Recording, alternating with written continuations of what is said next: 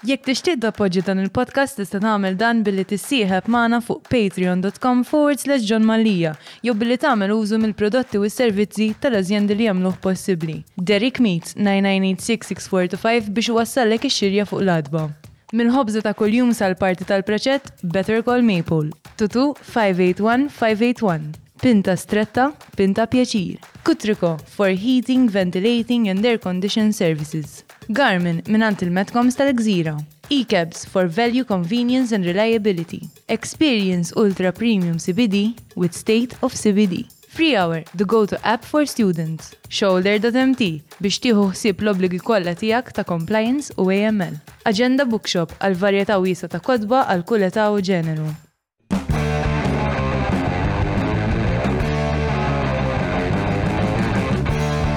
Bil-defa neħbu t-nejn. Nif mux dwarx għadrednu, nistaqsu kifu xfatta u fejn.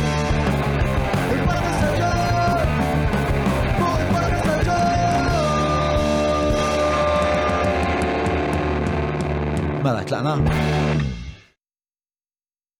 Merba għal-episodju ieħor tal-podcast. Illum il-mistiden tagħna huwa ċertu Mark Hoban. Mark sar popolari eh, meta kien intas biex ikun kontestant fu show ta' televizjoni tal-avventura li eh, jismu The Last Man Standing fej bażikament dawn iduru d-dinja u jagħmlu ħwejjeġ diffiċli ħafna fl-antipodi eh, tad-dinja.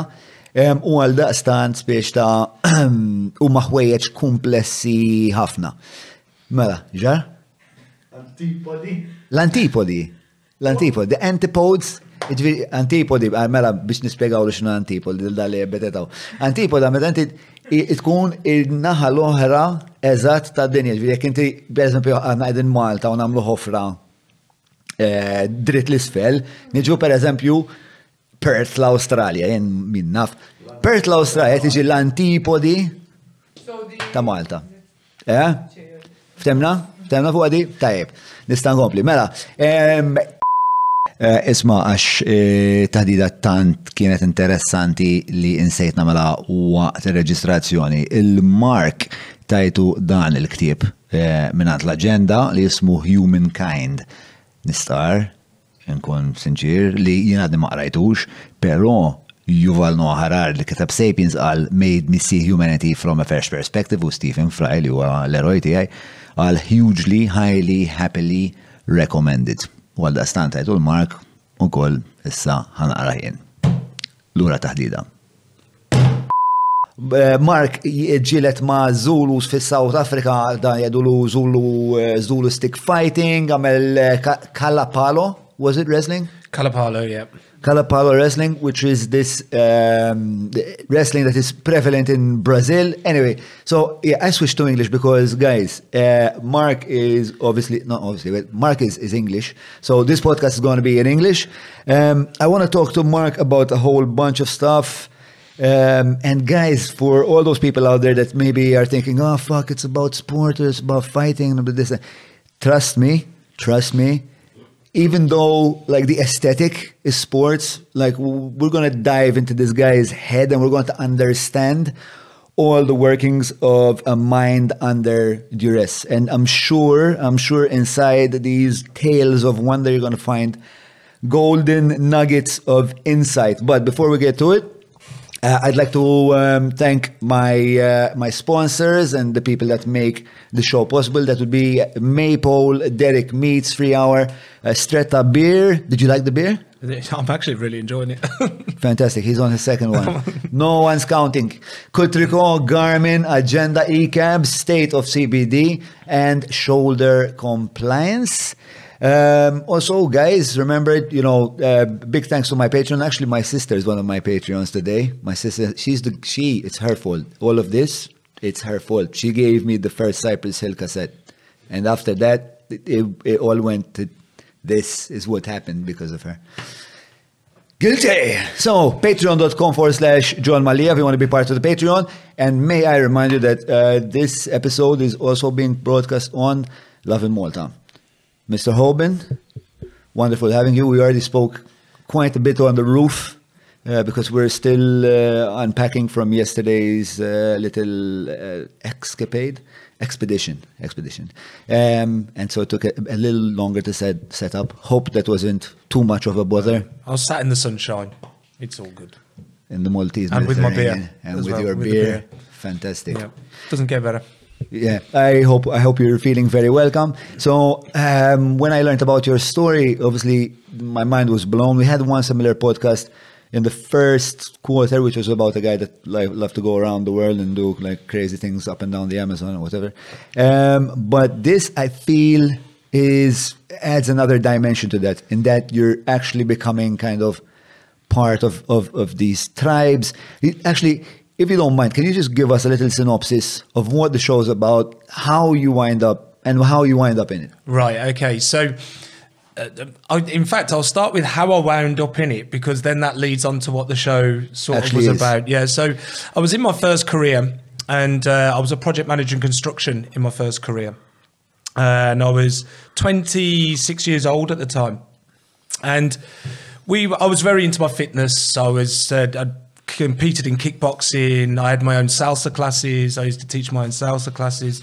And one of the workers who worked in an office downstairs, he was a member of a, a sports um, website, a team, a triathlon team, and he's seen this this advert. And this advert was on there saying, Do you want to travel the world? Do you want to compete against the most vicious tribes? Do you want to do this? And, and we were both looking at this this advert and it was like stuff of dreams, right?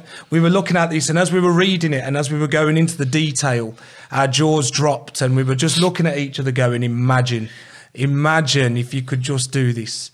And and the guy turned around to me and says, Well, why why don't you apply? And of course, back then it was before social media, so there was not Instagram. Facebook had, had literally just been thought of and had just started. So there was none of this social media influence. There was like Big Brother was the only um, reality TV program at the time that had really, you know, had a big backing. And um, and I looked at this advert and we we were like, okay, why why not? Maybe. So Yeah. it wasn't until then that a best friend of mine i told him about it and he said to me he said come on mark we're going to go. He'd never been to salsa with me in my life. And he said come on mark we're going to go and fill this application form out and so we went and there was dan- dancers going around this room and we were filling out this application form and, and it was a lengthy process. It was a, a thick application form and they were requesting and the deadline was the following day funny enough and they were asking for um, video self video footage of why you wanted you know the normal thing that you have to do Did to- you have to shoot that, or do you go to a place and no, I didn't shoot one because I didn't have time. So that was the weird thing about it. It was like a real half half effort because you don't feel like you're ever going to get chosen to do something like that. It was there was half effort. So I'd sent a few pictures with the application. One of when I was drunk in Malta, funny enough, um, and one when I was competing in kickboxing, one when I was dancing. You know, just to give a full array, like a, a vision of what I would be like without the video. And I didn't think anything of it because I'd not sent this video in. I'd not done the things that they'd asked. But then uh, I, I got a phone while I was at work. I got a phone call and um, they said we need you to come down to the Aldershot training barracks to do two days of, of fitness training, to do lots of testing, to see if I would be good enough to go on this this TV series. And that was it then. My mind was just blown. It was like, wow. And I needed some days off work and I hadn't got any days left off work. And I had to go and tell my boss at the time. And he was like, take take it. You can have the time. And that was it then. And and I never thought anything of it. I turned up on this this training day. Um, and we we had to check into this hotel. And of course, me being me, I'm very relaxed. I'm always myself, always myself. So the first thing I do is order a pint of beer at the um, at the at bar. the fitness uh, gathering? right at this fitness gathering. And don't get me wrong, like I'm really into my fitness. I was a very fit lad at the time, but I was all like just the balance. I always had that balance. And um, I was drinking this beer, and I'm looking around, and there's all these athletes, like athletes beyond my level of athlete. There was a British runner, there was British rower, there was professional rugby union players, and there was all these top level athletes that were applying for this this thing. So I'm I'm just feeling really out my comfort zone, and I'm just saying hello to everyone. And and then the the, the testing started, and before I knew it, I finished the finished the the weekend, and I, and I, I just went, you know, that's it. And I said goodbye to everybody. Everybody had stayed, and you could see all How, these. how do you feel you did in the fitness, like comparatively? Well, I did everything that all the that all the athletes done, which actually for me was probably the main the main thing because I was around professional athletes, and yet I gave every single one of them a run for their money in the fitness challenges. There was lots of army training in there. Did you realize you were that fit? Um, no, I think I think everybody has an element. If you're not a professional athlete, I think uh, if you're a professional athlete, if you have self doubt, you're never going to be a successful athlete, are you? Yeah. You've got to believe that you're the best. You've got to believe you can win. I wasn't a professional athlete, Right. so I didn't really think I was anything at the time. I was just giving something a go. I mean, like I knew I was. I knew going on the program, I'd be good Yeah. in terms of fitness. But when you're put up against professional Exactly, athletes, it's like, oh, I didn't. I didn't expect professional athletes to be applying for this program. Yeah. Do you understand? So there is that self doubt. So yeah, but along with that self doubt, there must be a lot of pride, no? I mean, managing to keep up with people whose lives it is to be athletic. Yeah, I think I think there's an under, there was an understanding from my part. Like I always make a reason or an excuse, or I always explain it. And so for me, it was like I'm not a specific runner. I'm not a specific rower. Yeah. So the challenges we were given weren't specific running, weren't so. Actually, yeah. as an all-round athlete, Right. for me, I was sort of telling myself, yeah, you know, like actually, I'm, yeah, Yeah. I've, I've given these good guys, these guys a good go. That's that's amazing. That's really cool. Anyway, Yeah, so I left and I said goodbye to and everyone. you thought yeah, this I is thought that was it. Okay. Like, I thought I've had a brilliant, I've had a brilliant couple of days, and then it went quiet, and I went back and, and I heard nothing, and it wasn't until the, oh, and then I got an email to say um, we're still in the process, blah blah blah, and I'd had a, a holiday to Mexico booked um, to go with friends and family. And it was um, it was amazing because, like I said, I sent them an email. I said, "Look, I said I'm going on a holiday of a lifetime to Mexico." I said, "I don't really want to know whether I've got in or whether I haven't while I'm while I'm there." I said because if I haven't got in, I don't want it to ruin my holiday, and I just would just rather not know and then went to Mexico. So I didn't hear anything. I didn't even have a reply. So I'd gone to Mexico then, and um, halfway through the holiday, we were in Cancun, living the best life as you'd imagine that you do in Cancun. And um, I had a missed call, and it was from London. It was a London number with a voicemail, and of course we're five hours behind there, aren't we? And um, I, I listened to this voicemail and I said to my, my friend, because we, we'd gone for our siesta, we'd had our morning by the sea and the beach and the, and I'd gone to, I've gone back and I've gone, I've got a missed call, I've got a missed call, it's a voicemail. So I went out onto the balcony. I still remember it. I remember it like it was yesterday. And um, I remember going on the balcony and I'm listening to this voicemail and he says, uh, it's the, the producer. And he says, hello, Mark. Um, I'd like to just say, um, congratulations. We'd love to have you Wow. on this program. And I'm stuck out. He said, We need you to get back here and we need you to get all of your injections, passport. Yeah, I had to apply for a second passport. Oh, wow. And uh, all of a sudden, like, my, I was, I was out of breath. My friend ran out the door. Like just ran straight out the door. I'm like, where's he gone? Because he, he's seen me doing this through the window of the of the balcony, and the so What he's he's ran and I've gone down into the hotel. And there was there was about twenty of us on holiday all together, like families, and and I went down and we were in a hotel full of Americans, and of course this was Discovery Channel. It was a co-production of Discovery Channel and BBC Oh, wow, and okay. BBC World. So it was funded. It was like an eight million dollar um, series. So it's a very very big series. Wow. That was. So of course, uh, all the in Cancun, it's all Americans, isn't it? So I'd gone downstairs and they'd already bought two bottles of champagne before I'd even got downstairs. And I'd got down by the pool and everybody's way, and obviously all these Americans then were like, "Oh, what's going on here?" and so of course then they find out you're going to be on Discovery Channel. That's it, like immediate fame came round by the hotel. It was absolutely crazy. They were like, "Oh my God, you're going to be on Discovery Channel. We want a picture." And so that was it. Then for the whole rest of the holiday, this word had got round this small hotel. It was like unbelievable. They announced it in the in the hotel. That must have been weird for you though, no? Because you you spent most of your life not being so much in the public eye. I've never been in the public And then eye, all of a sudden, people want now, like one second, no one gives a shit. The You- next second, people want pictures with you. That's fucking insane. I, will tell you what, John. You know something, and and I, I have to say, when we when we look back, it, it was never about it being on TV that was the appeal, because like I said, there was no social media, there was no, so there wasn't Yeah. any of this popularity. What the, the the big draw in was the opportunity. To go because I was very outgoing and I was very adventurous. It yeah, I really op- wanted to get into this actually. Uh, what what what were the incentives for you to go? Was it more to discover? Uh, here's the question: Was it to discover what's within or what's without? I, I would say it wasn't the right. There was there was small elements of within. For me, read when when- the, the big light bulb was when I was sat down with that guy from work, and it was like you could be doing this, right? You Amazing. could be, and then what was what they they were. Sounds like the perfect advert for this fucking show, man. Yeah, all right. we'll do your next advert. But like it was, it, there was, a, but there was a part of me then that knew, like I was the fussiest eater in the world. Like I wouldn't even eat, eh, I wouldn't eat anything, like anything other than like cheese and tomato pizza. And like my mum would sit here and my mum would be swearing to you saying that I was an absolute nightmare. My friends would say I'm an absolute nightmare.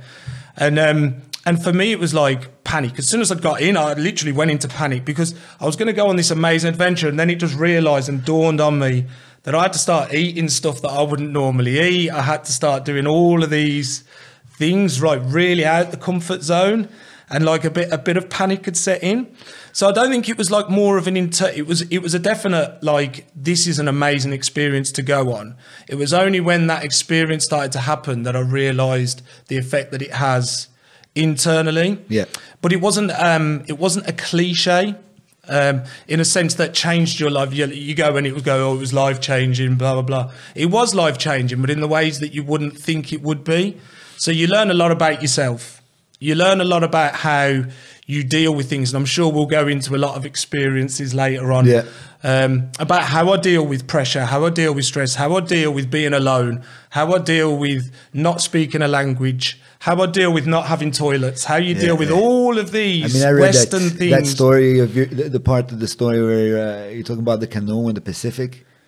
Yeah. Fucking hell, that, that sounded so. That was terrible. Like I'm reading it and, and every word, I'm like, this can't. Oh yeah, there's. Oh shit. Okay, it's fucking heavy, heavy moments. There was there was a lot. I tell you, I mean, I I, I entertain my friends no end because because I'm a very I'm very an, I am I'm, I animate and I and I really tell stories. I Well, can see that, But what I never do is lie, and they they always know that when I'm telling something, that's exactly exactly how it was. What, what happened on the day? Yeah, but the stories that I've, I mean, we'll go into some. Um, Yeah. They're absolutely mind blowing. Some of the experiences you think, what on earth? Who who has the opportunity to do this? It's like stuff that you watch on Discovery Channel. Yeah. So, and that's the thing. You think it, like I've done it, and I think it's something that would only happen on Discovery Channel or on National Geographic. And then I realise actually it was on Discovery.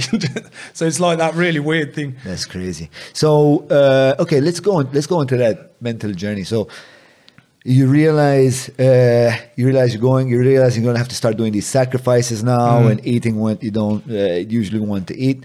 Um, but can you walk us through like the mental process? Like what's going on in the head? Like I'm interested in the voice in the head that's telling you, "Fuck no, don't do it." Like this is crazy. Are you nuts? Or did that guy exist at all in your head? There was there was never a, there was never a guy. Hmm, I don't think there was ever a guy that said don't do it. There was always doubt, um, and the doubt to me was always like because it was unknown. It was like, well, what if? What happens if I hurt myself? What happens if I can't eat anything? What happens if you know that there was all that that was always there? But I don't think I'd ever not. I would always do something. If I say I'm going to do something, Yeah. I'll do it. Yeah.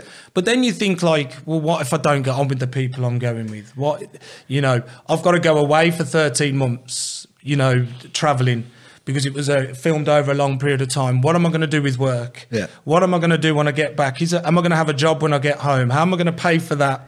You know, there, there, there was Yes. lots of things to think about. How much? How many of those doubts were actual doubts that you needed to concern yourself with, and how many of those doubts were just uh, your body trying to convince you to stay sane? I don't think there was right. I think the fact that I went and the fact that those doubts were just challenged head on, they were obviously not doubts that were going to control me. Right. They were just the, the normal doubts that you have, right? And some people will, when they have those doubts, will be scared to go into the unknown, and some people go into the unknown, and that's the difference between certain people. It's that fight or, you know, Or flight. Flight, yeah, Yeah. it's fight or flight.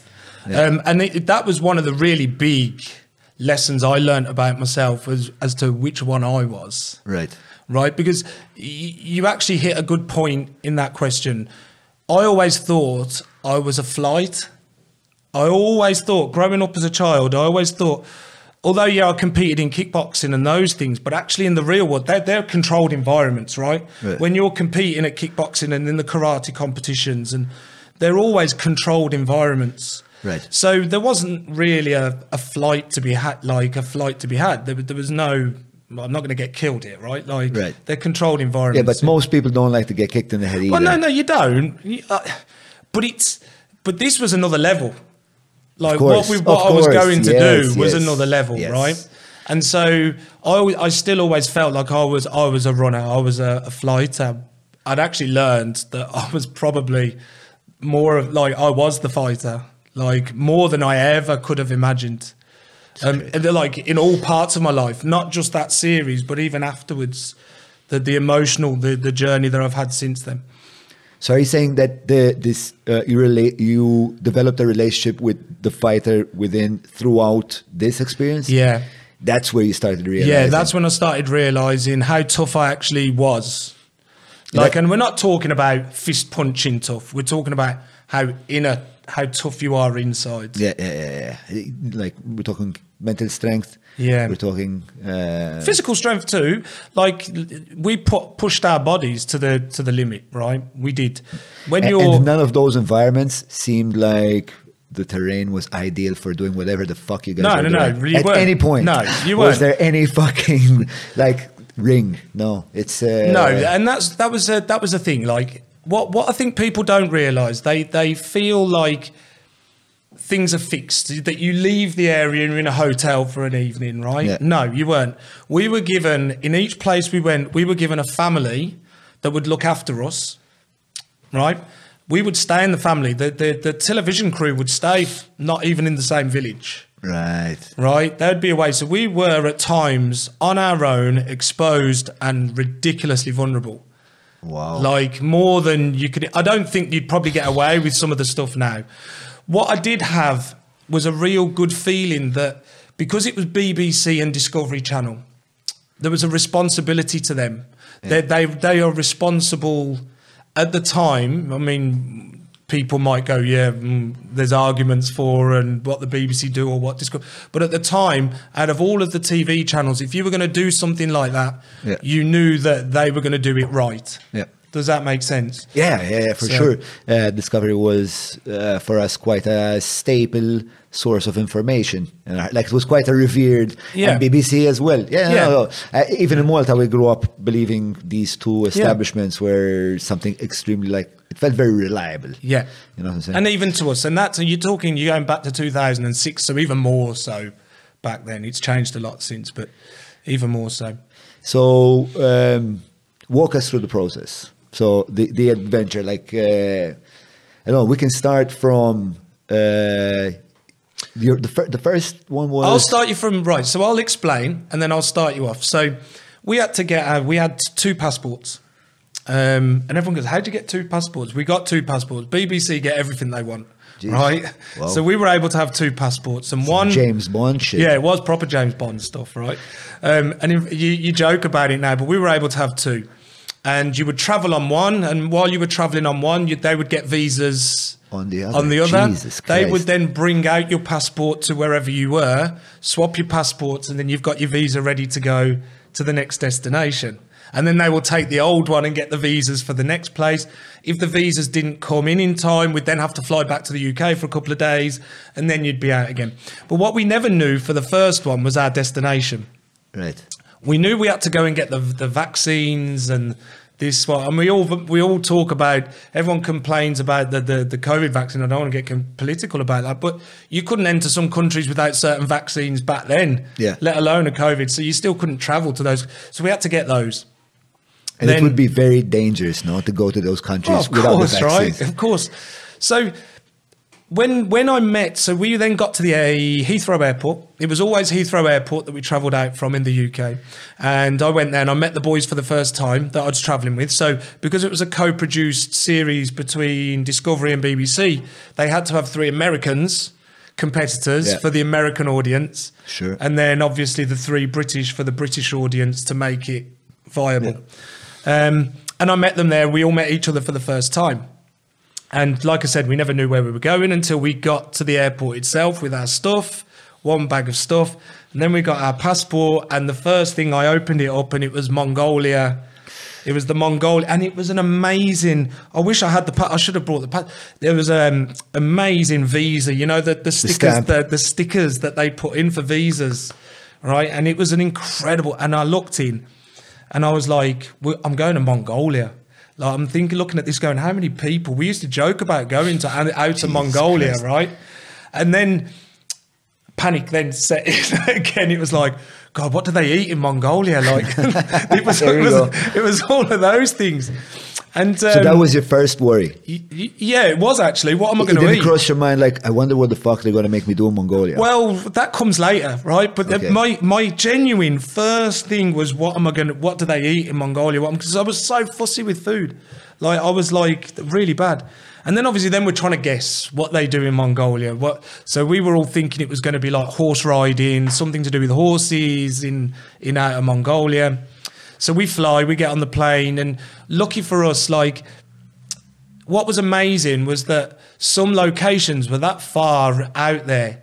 You had to visit many other countries just to get there, or you had to do many things to get there. And for our first experience, it was like a real, it was the best eye opener ever because we traveled to, funny, we went to from Frankfurt to Moscow.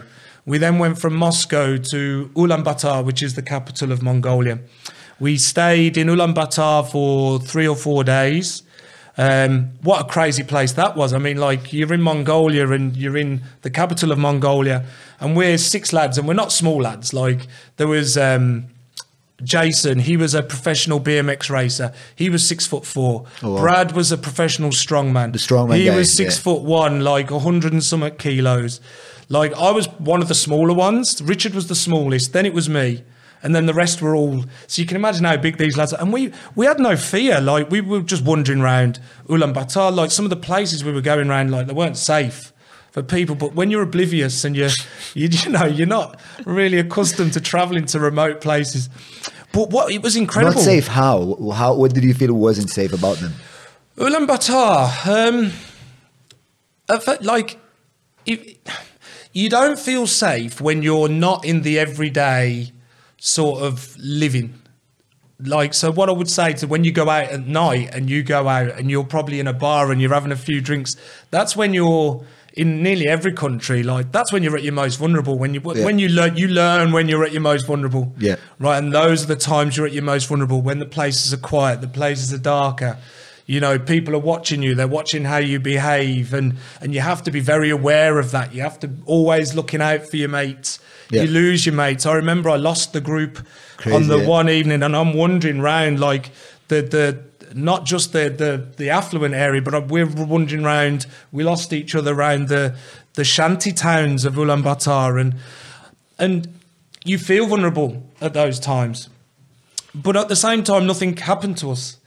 So, like, either we were really lucky, or actually, it's a lot of it's in your mind, and a lot of it is is made up, and you play these stories. But what do what do people generally think of, about this place? Do they uh, generally? It's got mixed. Like, it's only when, like, that's the thing. We, we weren't able to ever research where we were going because we never knew course, where we, we never knew where we were going. Yeah. So I'll tell you some more stories later on because when you're then out in the country, you then have to learn what insects to avoid, what what snakes to avoid, what to do when this happens. I've got some brilliant stories to tell you Was about this. uh, was one of these stories in Mongolia? No, but Mongolia was was out there because We then flew from Ulaanbaatar and we went over towards the border of China. To had to fly small- again? Yeah, we had to fly again, and that Is was Mongolia like huge? huge, Okay, huge. It's bigger than you think, right?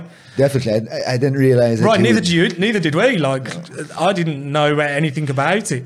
So then we flew from there to a, play, a small little holding town called Hoft, and they didn't like us in Hoft. Right? They, they, the Mongolians, they're, they're, they're big masculine, they're big masculine men, and then we learned that actually wrestling was the The thing you're gonna do. the thing we were going to do because it's the national sport. Why right? didn't they like you in Ho- in Hovd? So Hovd It's was like Westerners, just, yeah. We, we were out, we were out there, and it was just like a. Uh, like a stop, a place for stopping for Yeah, a while, was and then you were going to go somewhere else. and the, right, and then we were going to go somewhere else. So you weren't there to compete with these guys. You're you're there to compete, kind of in the I don't know, in the sexual food chain. Yeah, right. Exactly. That's what they were that. We're we're we're the we're the six Western blokes, big blokes, and they they especially Brad. Funny enough, so Brad was a celebrity everywhere. He went the strongman, Right. Because he was like because Massive, When yes, you yeah. when you go to indigenous tribes, masculinity is is the highest.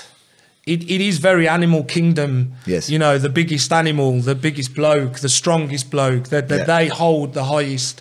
And so they're obviously seeing Brad and they're seeing his big muscles and they're coming up and they're all coming and having a look and they're staring and they're, and you, they're all staring at you and they're, all they're doing is weighing you up. All they're doing is weighing you up. And then we we survived that. We ended up in a small bar there, and they didn't like us in this small bar. So we had a we had a couple of drinks and we left because you know when you're not welcome. Yeah, yeah, and yeah. um, but where that was, so you were on the verge of the Gobi Desert there as well. And so when you were flying into that, the, just the landscape, I'd never experienced it before. It was just of this world. Then we had to get camels.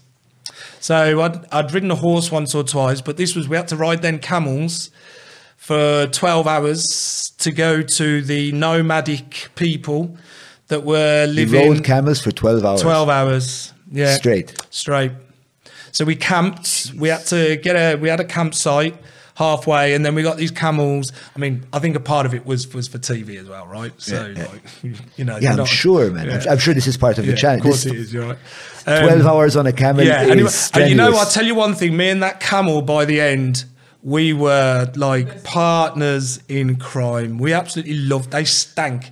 I don't know whether if you ever rode a camel, No. but they have they have really bad. It, it's bad. they- I didn't know whether it was mine, and it was definitely the camels, right? And we were um, and we were like this, and these camels ran. I'll tell you what. I thought horses ran. Woof! One would go. So one would go and then that was it. It would set all the other stuff because we didn't have a clue what we were doing. You just see us all like bouncing for miles while they try and stop these camels coming after us. It, uh, it was like mind blowing within within the first like five days because then you've got jet lag. Did you start? Fe- did it start feeling unsafe at this point? No, no, No? no, no, no. It was exciting at this point, wasn't it? It was exciting. You you you hadn't really experienced. wasn't this the? This was the first time you were riding a camel. First, first time I was riding a camel. First time in Mongolia. First A- time and this I camel is like racing through the desert. Yeah. With you on it. as the cargo. Yeah, but I think if you like, you could be scared, but like a part of it's fun. I don't know. but it just is. sounds. I'm sure it was fun, but it also feels like the person that put me on this is fucking irresponsible. Oi, if I had a pound the for every time that, happened, is- yeah, is, if I had a uh, pound endless. for every time that, right, if I, I would have come home after the first ten minutes. Fantastic, right? mate. So- right, please do carry on. Yeah, so and then we ended up in um, we ended up in a little nomadic in the in the mountains, the desert mountains, with the greenest, freshest air you'll ever experience. The ice has just just melted. We just got there just after the the ice and the winter had passed, and it was just the most purest place. Just goats, sheep, and all we had was three huts spread out in this valley with the river going through. That was home. Wow. That was home to learn to learn the the art of Mongolian wrestling, and that was it. So the food wasn't great. I'm not going to lie to you. I ate goats' testicles. Um, literally straight after we'd pulled them out of the goats. Sorry, like The goat was dead. No, the goat's alive. So what they do, they yeah. So it, this these are the things that you're just literally thrown into, right? So they do it. I think I think what I understood was that they they did it to stop um, to, to do gene gene gene pools of, of animals to stop them I don't know. I don't know. intermingling and Yeah, I think it's to stop the intermingling, or they were just hungry and they just wanted Testicles. goat's testicles for, for dinner. But one of the most, one of the craziest things was we, we, we learned a very big lesson because some countries we went to, they did understand a bit of English. There was English speaking that happened in some of the countries just purely through um, British colonialism and things like that. So Mongolia was one of those ones where they really didn't. So the first thing we figured out to do was to literally write your own dictionary. So I was in the host. You're in the house with your host. We were all in different different places, but because there was only three huts, there was two of us per house. So that was good because it let us in a little bit gently, rather than us being on our own. We Yeah. at least had someone that Some we support. could, yeah, some support in there, and I think they deliberately did that. But what we figured out very quickly was to write our own dictionaries. Like there are no toilets, so where do I go to the toilet? I'm hungry. I need to eat. Like because you weren't cook, they were cooking for you. They were doing everything for you. So it was this. We learned very quickly that that was the first thing we needed to do wherever we went. It was to write our own. and, and how did you figure out what the words actually meant in the Just first year? purely through actions and and spending like after dark when you're all in the hut together and there's no way they can Ah. avoid you. like, So you're playing charades you're all right, night. pretty much playing charades all night, and then you're going ah, and then you're writing that down, and then you're getting them to say it again, and then you're writing how they say it. Mark, Mark has a friend uh, that, uh, that I believe she's uh, Russian and she doesn't speak English very well. So Mark uh, communicates with her in emojis. Well, there you go. It's mod- modern day, eh? Yeah, modern day. hieroglyphics, There we go. spectacular um, and Cour- numbers. the, cour- the courgette, the courgette one. Did you use? Do you use the courgette emoji? No. no. The courgette. No, it's not that kind of Russian friend. No, Oh, no, no, no, no, right, no, okay. no, no, no, no, no. One track mind. These athletes. Fucking athletes. oh, man, this is fantastic. So, we're in Mongolia. You're in the huts. You've just had uh, some goat's testicles. Yeah. Then we then we then the, the, we get to the How, business. how, co- how confident were you in uh, your wrestling skills? No, I didn't have any wrestling skills. Like there Very was no confident then. You're good to go. Hmm, good to go. Like it was literally like it was. I tell you, I te- what was what was crazy about Mongolian wrestling was you, you were practicing in the most incredible surroundings. Right. Like you're in the middle of nowhere. Like we're doing our training and we're lifting stones for training, and there's no like mats on the floor. Yeah. It is like Yeah. and th- and it was quite, it was a vicious a vicious sport. But what, ironically, the outfits that they had to wear are not the most vicious looking outfits. In fact, they're quite the opposite. I had some pink pants, some pink tight pants, and they have an open fronted tight tight top on. Did that you get to keep the I have. I've got gear? it. I've got it all at home. Uh, okay. Uh, For a second, I thought you were going to say, I've got it all under here. And You know, I've, I've, I've been asked to put it on amazing before. I've been asked to put it on before. In fact, actually, we had to wear it for. Um, there was a really big English TV program called the Paul O'Grady Show. Right. And Paul O'Grady was a very famous presenter, prime time. We had to wear it on his program. Like he, he made us. Oh, wow. Yeah, made us wear it on his program. And what's it like to fight in something that looks uncomfortable? Well, the thing is, when you're fighting, you're fighting, aren't you? And actually, what what you learn is you. I'm a real technical. I love to to understand the technical aspects of fighting or the technical aspects of everything. And what you learn very quickly is the outfits are actually there for a reason. You can use the outfits to your advantage or disadvantage Ah, okay. when you're fighting. It's like a, it's like, for example, you wear a gi in in um, in jiu-jitsu, for example, and you can use that gi to your advantage. Whereas in MMA, you have no gi. Although you're doing jiu-jitsu, you don't have that gi to Right, use. Same right, as right. judo. Judo is another example of that. Very similar. Like with this wrestling, you have that outfit that you actually use in the technical aspect of the sport. So it then doesn't become a feminine outfit anymore when Right. someone's trying to When it's a to- weapon, it's literally a weapon. When someone's trying to kill you with it, like it, it's a it's a very different experience. And like I said, in Mongolia, pretty much every place we went to, they didn't like you and they wanted to literally kill you and take your head off, uh, with exception to one country, and that was Senegal. They're like they just knew they could kill you, so actually they were there to help you. We'll come on to that one later. Right. So every other country that you went to, people were really wanting to show you Westerners. Yeah, one hundred percent. Fuck's up in Mongolia? One hundred percent. South Africa was a prime example of that one. That was one of the scariest experience. That was one of my biggest fight or flight lessons. Moments. Yeah. Okay, well let- let's let's uh, let's let's delve deeper into Mongolia. Um, so, how, but uh, this uh, contention that there was between like uh, the, your hosts and yourselves was that like immediate, or is it like once the sport starts? No, so that the hosts were actually they, it was in their interest for us to do well. So what we were actually doing, we were representing how good the hosts were at training us. Right, So right. right, So it would be like probably like rival clubs, Right. So I'll tell you the first experience of the first competition. So they Okay. a van pulled up and they dragged me. I can't. Who, who remember? Was it with, was with me? I can't remember which athlete it was with me, but they literally picked us up and they took us away. And I was Corey. And they took us away and they drove us up into the mountains.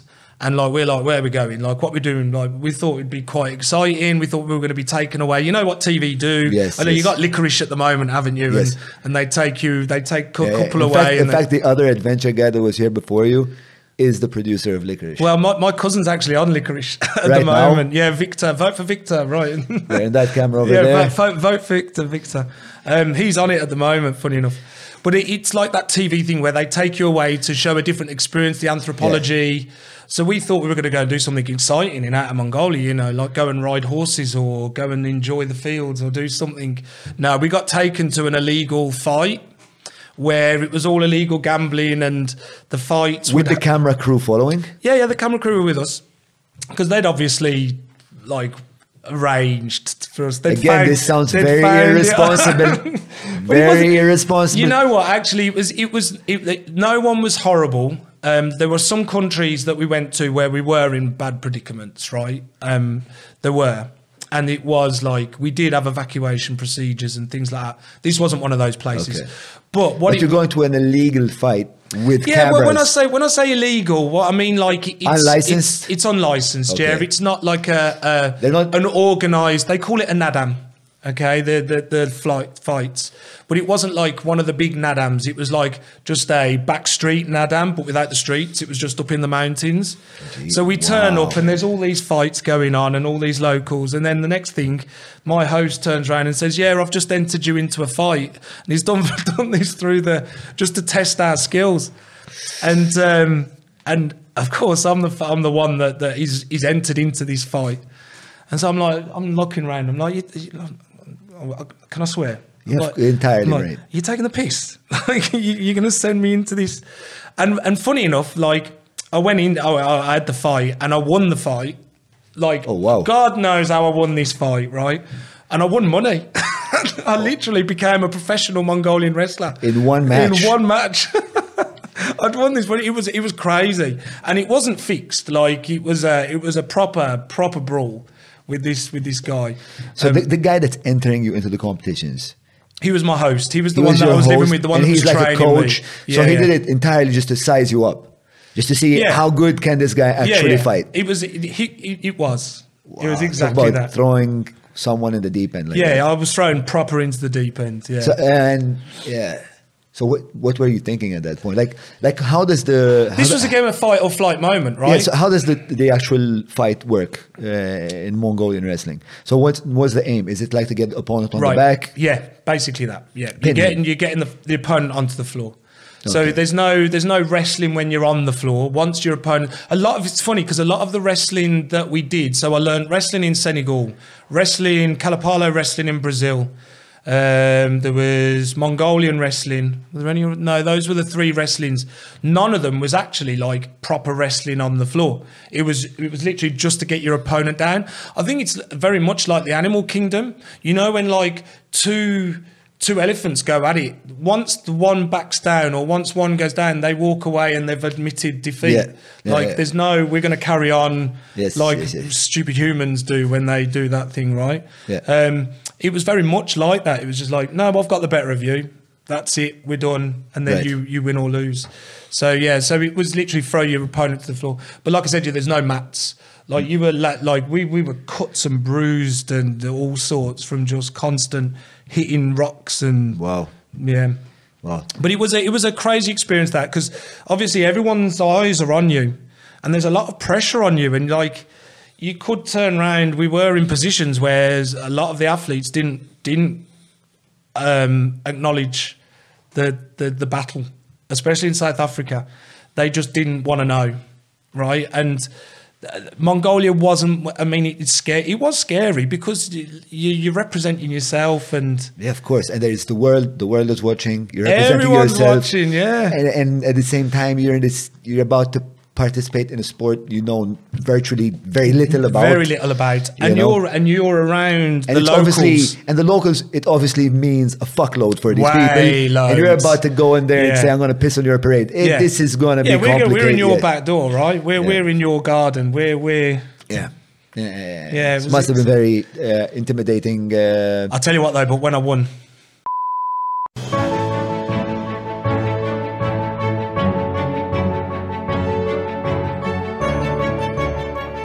Il-ħobza tal-Malti, il-ħobza tal-Maltin, minant il-Maypole. that sort of intimidation and that like they were amazing.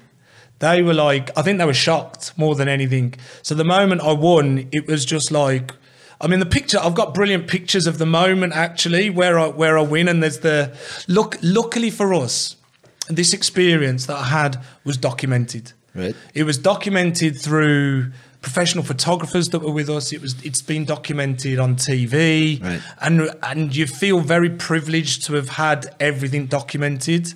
Apart from the most craziest experiences, that they're the ones that aren't documented. Oh, wow. Because So they're we're the in for a crazy ones today. for a reason. Because uh, we're going to get a bunch of exclusive. Uh, You are going to get you're going to get some brilliant exclusive Yes, stories. this- this is mad. that aren't on the series. Yeah, fantastic. that they're just not documented. Fantastic. Okay, so let's keep going. Uh, how? how uh, what was next?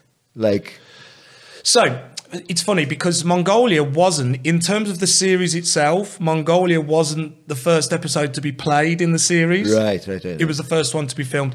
So what they do, they film one and then they realise which one's going to be the best. And then they put the best one first. So that's how TV works. So they they always hook you put in. yeah, so they hook you in. They always put the best one first. So Mongolia, we, we had an amazing experience. Our barebacked horse rode there. We we learned like proper archery. It was it was crazy. The main Nadam was just crazy. Like to be in that environment where people were coming from all over the region. how big is this Nadam thing? Oh, I mean, on the scale of it, I mean, there was a good 500 people there. You're talking of probably 100 wrestlers. Like, when you're in the middle of nowhere, like, for them people to turn up from everywhere, it was Yeah. like quite a big thing, you know? I think the best way I can describe it Looks is like, sounds like a fantasy movie. Almost. Right, I was just about to say, you know, like the old and medieval sort of competitions. Yeah, exactly, This yeah. one was very much with the with the tents pitched in the middle of nowhere. It was it was exactly like a fantasy stroke. It was it was unbelievable. It was really good. incredible. And uh, so you you get to this. It's called a Madan. And Nadam. Nadam. Mm-hmm. Okay, so you get to this Nadam. Now you're feeling confident because you won your first fight. Yeah, yeah. Right. Well, you feel confident, yeah, and then you uh, you uh, appear at a Nadam where you've got the best fighters from all over the region turning up because there's a lot of money at stake for these fighters, and there's a lot of pride. And I'm not going to lie, to you, I got my ass whooped. Like literally got my ass whooped. Like the the I was knocked out in the first round, got absolutely whooped. He he was so good. In fact, he beat two of the other lads that was in ours. He was just really good. He just went through all of the people on your show. Two two others, two others, yeah. Okay. And how did was- uh, how did the others do? Like like what about the big guy, the strong man? Did he do well? He did do well, but um, of course, like it's very difficult to move in those instances. Like he he's just really strong. So the the wrestling the wrestling ones suited him down to the ground. Like really, I mean, I know they talk about well, but we're all in the same boat. We're all the technically we're all on the same level. So when you're technically at the same level, size wins, Exactly. Yeah. right? Size wins, especially in something like wrestling. Yeah. Yeah. yeah. Um, so he didn't win. He didn't win the whole thing. Someone just fell over with a bucket of water. over there. It was the weirdest sound. It was like a tin bucket. Those old yeah, school tin buckets. those tin thermos crap. There was like it was like a neutered gong, like a gong, but with no testicles. Like if it had testicles. Anyway, I don't know where I'm going with this. So let's. Uh, Yeah, so he he did very well, but he didn't win the whole thing. He got um he got beaten eventually by a big fighter that was technically Superior. technically better. Yeah. And um, it, how does uh, the point system work on the show? Like the fact that he got further ahead. Yeah, no, no. So yeah, so it would work that he got for the furthest ahead, or that he won the thing, so he wins that program, Okay. and then we go on to the next. And it's the case of just that one person getting a point and everyone else getting Yeah, nothing. exactly that. Okay. Exactly. You either win or you don't. Okay. Right? You either win it or you don't. So cruel, huh? Cruel. Huh? Cruel, cruel. Well, well, it would have been more cruel is if you didn't win it, you go home and they bring in another five contestants to go to the next one. I think that would have been more cruel. What That was amazing was that we we we because there was like I would say if there was a program to get on to be able to go on, this was the one. Right? It it really was the one. Like I look at TV programs now where they do this type of thing. Like we had the anthropology, we had literally everything in there, and I think that's what made the program so successful and so unique was the fact that I think they were hoping for six blokes to be really uber competitive, hate each other, and do this. When actually, what they found was that because we were all in this strange environment, and we ended up, what actually we all did, You we, we gelled, Yeah. we gelled, and so they then rewrote the whole program Wow. and they took it from a different angle. Six athletes, brothers, going through an adventure together rather than it be competing and That's strange hating though, each other. because it could have gone the completely other way. I think that's what they would have wanted to because at the time That would make a lot of drama and people Right. fighting and cussing each other out. Right, and and there was elements of that. Of course, there was. Like none of us wanted to lose, but actually, we all had each other's backs because we were all in this environment. Because I remember the Big Brother was on at the time, and and with Big Brother, drama was the thing Yeah. that made Big Brother popular. Everyone cursing each other, everyone hating at each other, all of this backstabbing, and I think that's what they were probably going for for that. But actually, the complete opposite happened. Yeah. But what it turned out was that that's what people loved about the show Yeah. was that there wasn't that element of the Big Brother going on. It was actually these lads have just clubbed together and just are having a great time. They've bonded like a family. Yeah, it's yeah. more of like a family coming yeah, together. and we than a- still speak now, and like like we still Oh, you remain friends? Yeah, remain friends. I've been to America to see them. Like the Americans, yeah, yeah, still friends. Fantastic. Yeah. man. Fantastic. Obviously, there's a lot of tension and drama from all the stuff that you're going to be doing anyway. Yeah. Right? Like, uh, I'm no, sure no, there were times. there. There were times that we hated each other. Like I'm not going to lie, there, there were times that you but I'm, hated I'm saying each not other. just from the other contestants, but also just like turning up in South Africa with a bunch of Zulu stick fighters I wanting mean, to kick your ass. That was a scary That's one. tense. That was a scary one. That's tense. You don't need any more drama no, between no, the group. No, Yeah. that, and that was a really scary one. That one. Fantastic. Uh, fantastic is going to be great stories for sure.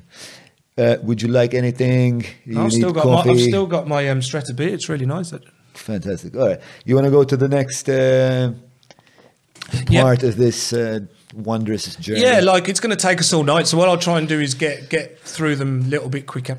So what was it? What was brilliant? Are about, you in a rush? No, but what was it? It's my last night in Malta. No, though. no, So uh, like I've got a plane to catch at eight o'clock tomorrow morning. but Eight we'll o'clock be all we can do eight. Yeah, we can do it. We'll- We'll, we'll get through. We'll do an all nighter, right? So, um, what was great about the TV program was like, so Mongolia. To get Right. from Mongolia, the next destination we were going to was the Trobriand Islands. And the Trobriand Islands are the group of South Pacific islands off the, this is a really good one, this is an intense one, um, off the coast of Papua New Guinea. Right. Right. Nobody's ever been to Papua New Guinea, right? So it's like it's crazy. We were going to a group of islands that hadn't seen Westerners for like third well, since probably the, the pilgrims, the Catholics had Jesus been there, to, the Christians had been to try and convert everyone. And what was great was that we were going from Is this close to New Zealand or? no, no, no. This is north of Australia. Papua New Guinea. Papua New Okay. Guinea's that big island. That So looks the- a bit like a turtle. Yeah, that, there you go. Okay. That one, yeah.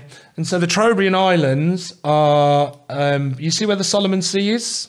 Uh, yeah, guys, can we take a note so we put this up if it's possible? Oh, sorry, the- yeah, sorry, listeners. No, um, but yeah, where the Solomon Sea is, Trobriand Islands are a group of islands just hidden in there. Like to the, yeah, just closer to the mainland of. So to the, the, should you go to, the, main- left yeah, or should group we- there, there, there, there. They're Okay, left, left. The in there. Yeah, like- yeah, they're a group of islands. There they are. Those? Yeah, up just a bit higher. Il-fuq, il-fuq, il-fuq? They're those, yeah. Okay, They're the all right. Trobriand Islands. You can screenshot that. um, yeah, so It looks like a cartoon of someone really lazy. That's true. looks like a total bum. So to get to get to there was a was an amazing experience in itself. Like we had to fly. Um, we flew from Ulaanbaatar again. We went to South Korea. We spent um, a little time in Seoul. We then flew down to um, uh, to Indonesia, and we had. Um, in fact, I watched the World Cup. Uh, was it the World Cup final? Was that France Brazil where someone got sent off with the one that he got sent off? Zinedine Zidane got sent off in. Ah, when he headbutted. Uh, Yeah. That was the World. That was the World Cup final, wasn't it? yeah, it was Yeah. Italy, no? Yeah. Italy, yeah. Sorry? 2006. Yeah, that one. So I watched the World Cup final there. Um, in between, so we were on the beach in the tra- in um, Indonesia. We spent five nights there. We then flew down to Cairns, had a, a few nights in Cairns, and I did a skydive over the Great Barrier Reef while Where- we were where there. is that? Cairns, Australia. Cairns. Cairns. It's my my accent. C A I R N S. Cairns. So that's where the Great Barrier Reef is. Anyone know this place? Cairns, come on. I know the Great Barrier Reef. There we go. Yeah, So- Barrier Reef, I know. To get to the Great Barrier Reef, people stop at Cairns, right? And so I did a skydive there. We then went from Cairns to Port Moresby. Port Moresby was a, and that's the capital of Papua New Guinea. That was an eye opener. Like that, I never realised. I'd never heard of Port Moresby. I'm not going to lie to you. Um, and that was a crazy place. Like very dangerous. Like very dangerous. I mean, like people who probably live in Port Moresby would go, yeah, it's not very dangerous. But our experience of it was we had armed guards everywhere. So our hotel was armed guarded. The we got into the we got into the minibus that took us to the restaurant, armed guards. There was an armed guard on the front of the restaurant. Like it was, it was all proper like that. Like I didn't just, just didn't think it'd be like that anyway. But it was an amazing place. Don't get me wrong. Papua New Guinea. We'll, we'll come on to that one because we did another one in Papua New Guinea itself in the rainforest. And this this one's at the Trobriand Islands. S- So which one's first? Trobriand Islands. So we then go to the Trobriand Islands. Okay, cool. This was intense. They hadn't seen. So from Papua New Guinea, you go to the Tro- Trobriand Islands, yeah, Trobriand from Islands, Port okay. Moresby to the Trobriand Islands, yeah. And it was intense. Right. Like they hadn't, so this was like a, a place of what they would say black magic and all of this. And we were split into two groups. And where we, where I, I mean, I, I didn't do seafood. In fact, what, ever, what let me tell you something. Yeah, how much are you struggling with that food Right. thing? The food Mongolia wasn't too bad because it was just like it was just stuff, right? This was bad because you were by the sea and I couldn't do seafood. And you know why I don't like seafood? Because I ate a bad sea urchin in Malta when I was really young and was violently sick for a long, long time. And that put me off seafood. Ah, shit. Even to this day, I like my first breakfast in that place was a crab just a crab on my plate, left on my doorstep. like that was my very first breakfast in the Trobriand Islands. It was crazy, like with the tribe. What did you do? Did you eat it or Yeah, you? I had to eat it. Yeah, that, that was the thing. Like, uh, I, I then just ate it. You know, you just get learned to eat it. But the crazy thing there with, with the intense. So the sport was a, a game of tribal cricket because they were headhunters back in the day and they would have feuds between villages they invented the christians invented the cricket game for them so that they could solve their issues via a game of cricket tribal than- cricket wow. rather than killing each other right so that's how they did it but what was really intense with that one i had a little wooden hut and i didn't get left alone. Like left alone. From dawn till dusk through the night there'd be eyes peering at me through the through the gaps. I'd go to the toilet. I'd have a line of people follow me for a number two. And they'd just i'd have a number two in in the the, the bushes. They'd all be standing around wondering how on earth a white person has a number two. And then you'd walk like it was in i'm not ju- it was intense it was like Jesus. it was an experience in itself just to have like and then you'd just want to get away from it and you'd go into your hut and then in all the gaps of your hut you'd have everybody just staring at you through the gaps of your hut Fuck. That was that. I mean, again, irresponsible. But were you scared or? There were times there that we Because this sounds like like one of those Jonestown places where people are really fucking all psycho. No, you know what? No, I think for what you learn is actually they're, they're curious, right? If they've not seen white people for so long, they're going to be curious. Yeah, but are they like curious to the point of like what I felt was they're probably a bit concerned, like that you guys might be something terrible for the village and they should never have left you in. I would never have known because no one told me that. Okay. Right. Um, you did. There were times where you would go to sleep and go, "Am I going to be here tomorrow?" Because, like I said to you, the camera crew and everyone was was somewhere else. So you were on your own. We definitely felt like that in uh, Nagaland in India. Um, because they were on the verge of civil war there, and we had to have special permits to go in there, and we felt like at times that we could have been used as a bit of fodder. yeah, to to sort of negotiate and things Ah, like that. You thought you were going to get kidnapped. yeah, and be negotiated for. There were times that we felt like that when we were out there. That might be extreme. The BBC would probably turn around and go, "Yeah, it's a bit extreme." That is, but that's how it felt at times. This one. This one was very much because they would never have known if they would have come because they were on the verge of civil war that we were only allowed in Nagaland because Nagaland is a is a province of India, but actually from the war time, um, it was took over by there was a war with the British. Um, there was a battle of Kohima, and it was because it's on the border of Burma.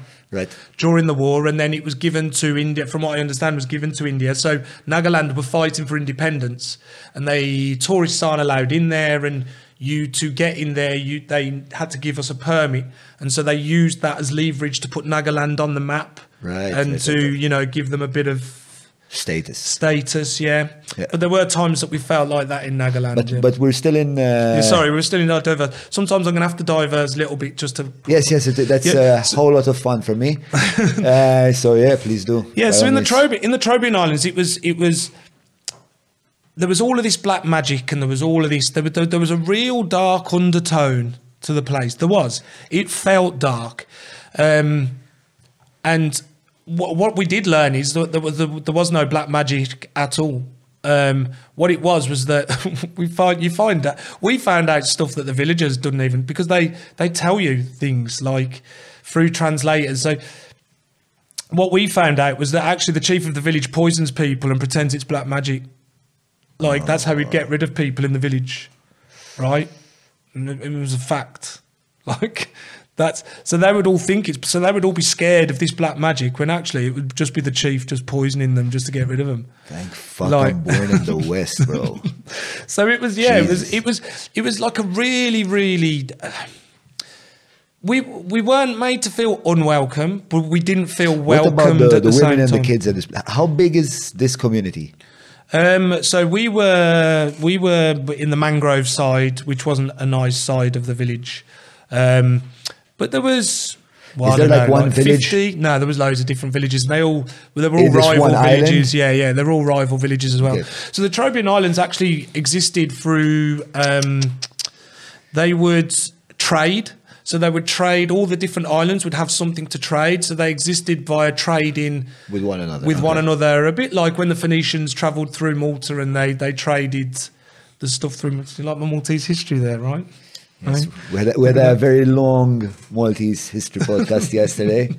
Uh, felt did like well, there you go. You're experts then. Felt like it started in the time of the knights and finished yesterday. It was long. It was good. Well, I'm hoping this one's not not going to be that long. Um, yeah, so there was a dark undertone to that. Even like the sport wasn't a dangerous sport. I mean, I'm not going to lie to you. It was. We had I had some brilliant experiences there. Don't get me wrong.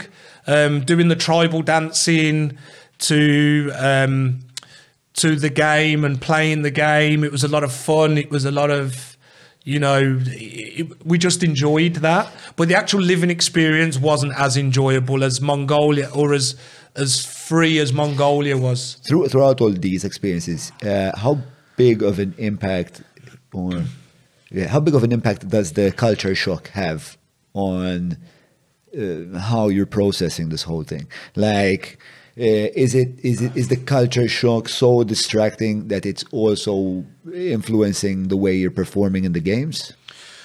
Um, uh, no, I don't think I don't think the culture shock affected how you were performing in the games. The food, the jet lag, the all of those things, the lack of sleep, the like those were affecting you in the games. Like, but in terms of your actual happiness there and your sense of security, your Yeah. self security.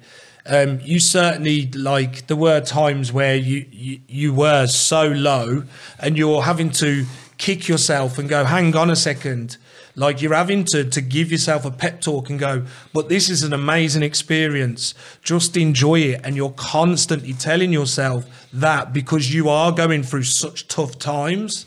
Through those times of isolation although there was lots of people around you there were times of isolation.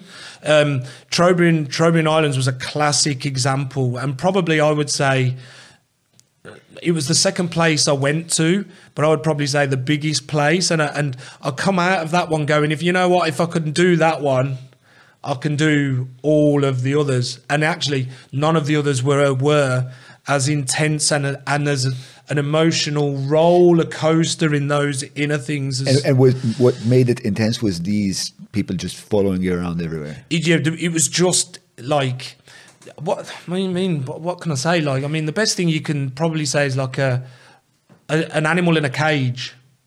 Yeah, like, and they're observed. constantly being observed, and you see animals frustrated by that. So you Like, saw fascination in their eyes as well. yeah, that's what I'm saying. That like it wasn't, um, it was fascination. It was curiosity. It was entirely that. You think? I'd, or, I, or- I'd like to think it was. okay. I'd, you know, like being the, the good you think- soul I am, like I'd like to think it was pure curiosity. Yeah. And and I think it, I, I think actually it was. I don't think it's pure curiosity from the male element, Yeah. from children, especially pure curiosity. Sure, right? sure, They're sure. children. Children don't hate. Children hate because of the environment that they've been put into, in my opinion, right? Um, and their influence from parents. What you what you learn actually is what what I learned was that like like I said to you, the men it, it's an indigenous area. It, it, we weren't put into Western versions Settings. of settings. It Yeah. was indigenous tribes, right? Yeah, yeah, yeah. Um, albeit there aren't many like pure indigenous tribes anymore. And the people following you around were all male. No, no, no, no. But they were every kids. Ki oh, kids loved it. Like kids were curious. That's what I mean. Kids were pure curiosity. Um, the men, the men in Senegal were brilliant. Like they, they just like I said, you, I've diverse to Senegal, but I use that the Senegal as an example of the men that just actually enjoyed you being there to train you. They were there purely just to train you. They enjoyed training you. They wanted to see what you could do. What lives, Right? They wanted Yeah. to just see how good you could perform because they were just huge specimens of men that were just damn skillful at wrestling. And they were not, thre- it was interesting because they were not threatened by us in the slightest. Yeah, exactly. And that was the difference. They were not threatened by us in the slightest. So they were the most friendliest. They wanted you to do well. They wanted you to train. There was no, like, it yeah, was yeah. where the men were feeling threatened by your presence. Well, the, it's natural, right? It's, Right, a, right, it's a right. natural instinct. They were protecting their uh, little Yeah, castle. yeah, exactly that. It's fantastic. All of these stories are great.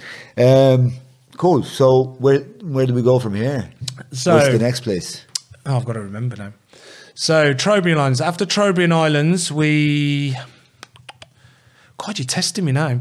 We went back to Sydney and then back to home, um, ready for the next one. How, how long are you at home? Not long, like a few long. days. Sometimes a few days. Maximum, it was like a week. And over a period of of thirteen months of filming, like it's it's not a long time. Yeah. We then went to But to. is it weird to be home for a week after being Yeah, in so- such strange parts of So the what the craziest thing was, and this is how this is how adapting and how mentally tough it was, was that work. I had an agreement with work that if, if I ever did come back, I'd have to go back to work.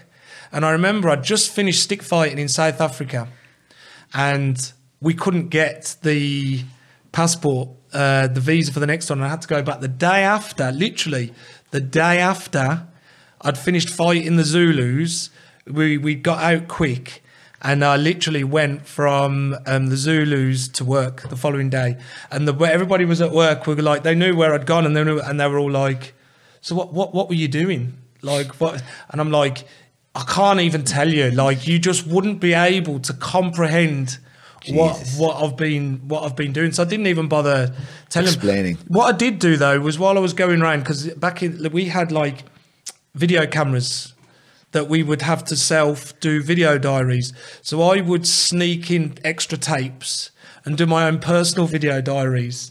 What I did do is that I put um, the tapes. I gave the tapes to a guy at work, and I knew he was a computer wizard. And I said, "Can you put these onto a DVD for me?" and it was only when he seen them because I was giving them to him, and he was like, "Mark, like." I can't believe, like, I'm watching these things, and he's like, I'm in disbelief at what you're. What did people think of you before you did all of this? Like, did the people's uh, idea of Mark Hoban change? You know what? Um, I think people have an idea of you, regard whatever, and I, and, I don't think I'm, I will ever know what that idea would have been. You know, only because I look at myself at my age now, and I see how different I am now to how different I was. I am. I was three, four years ago.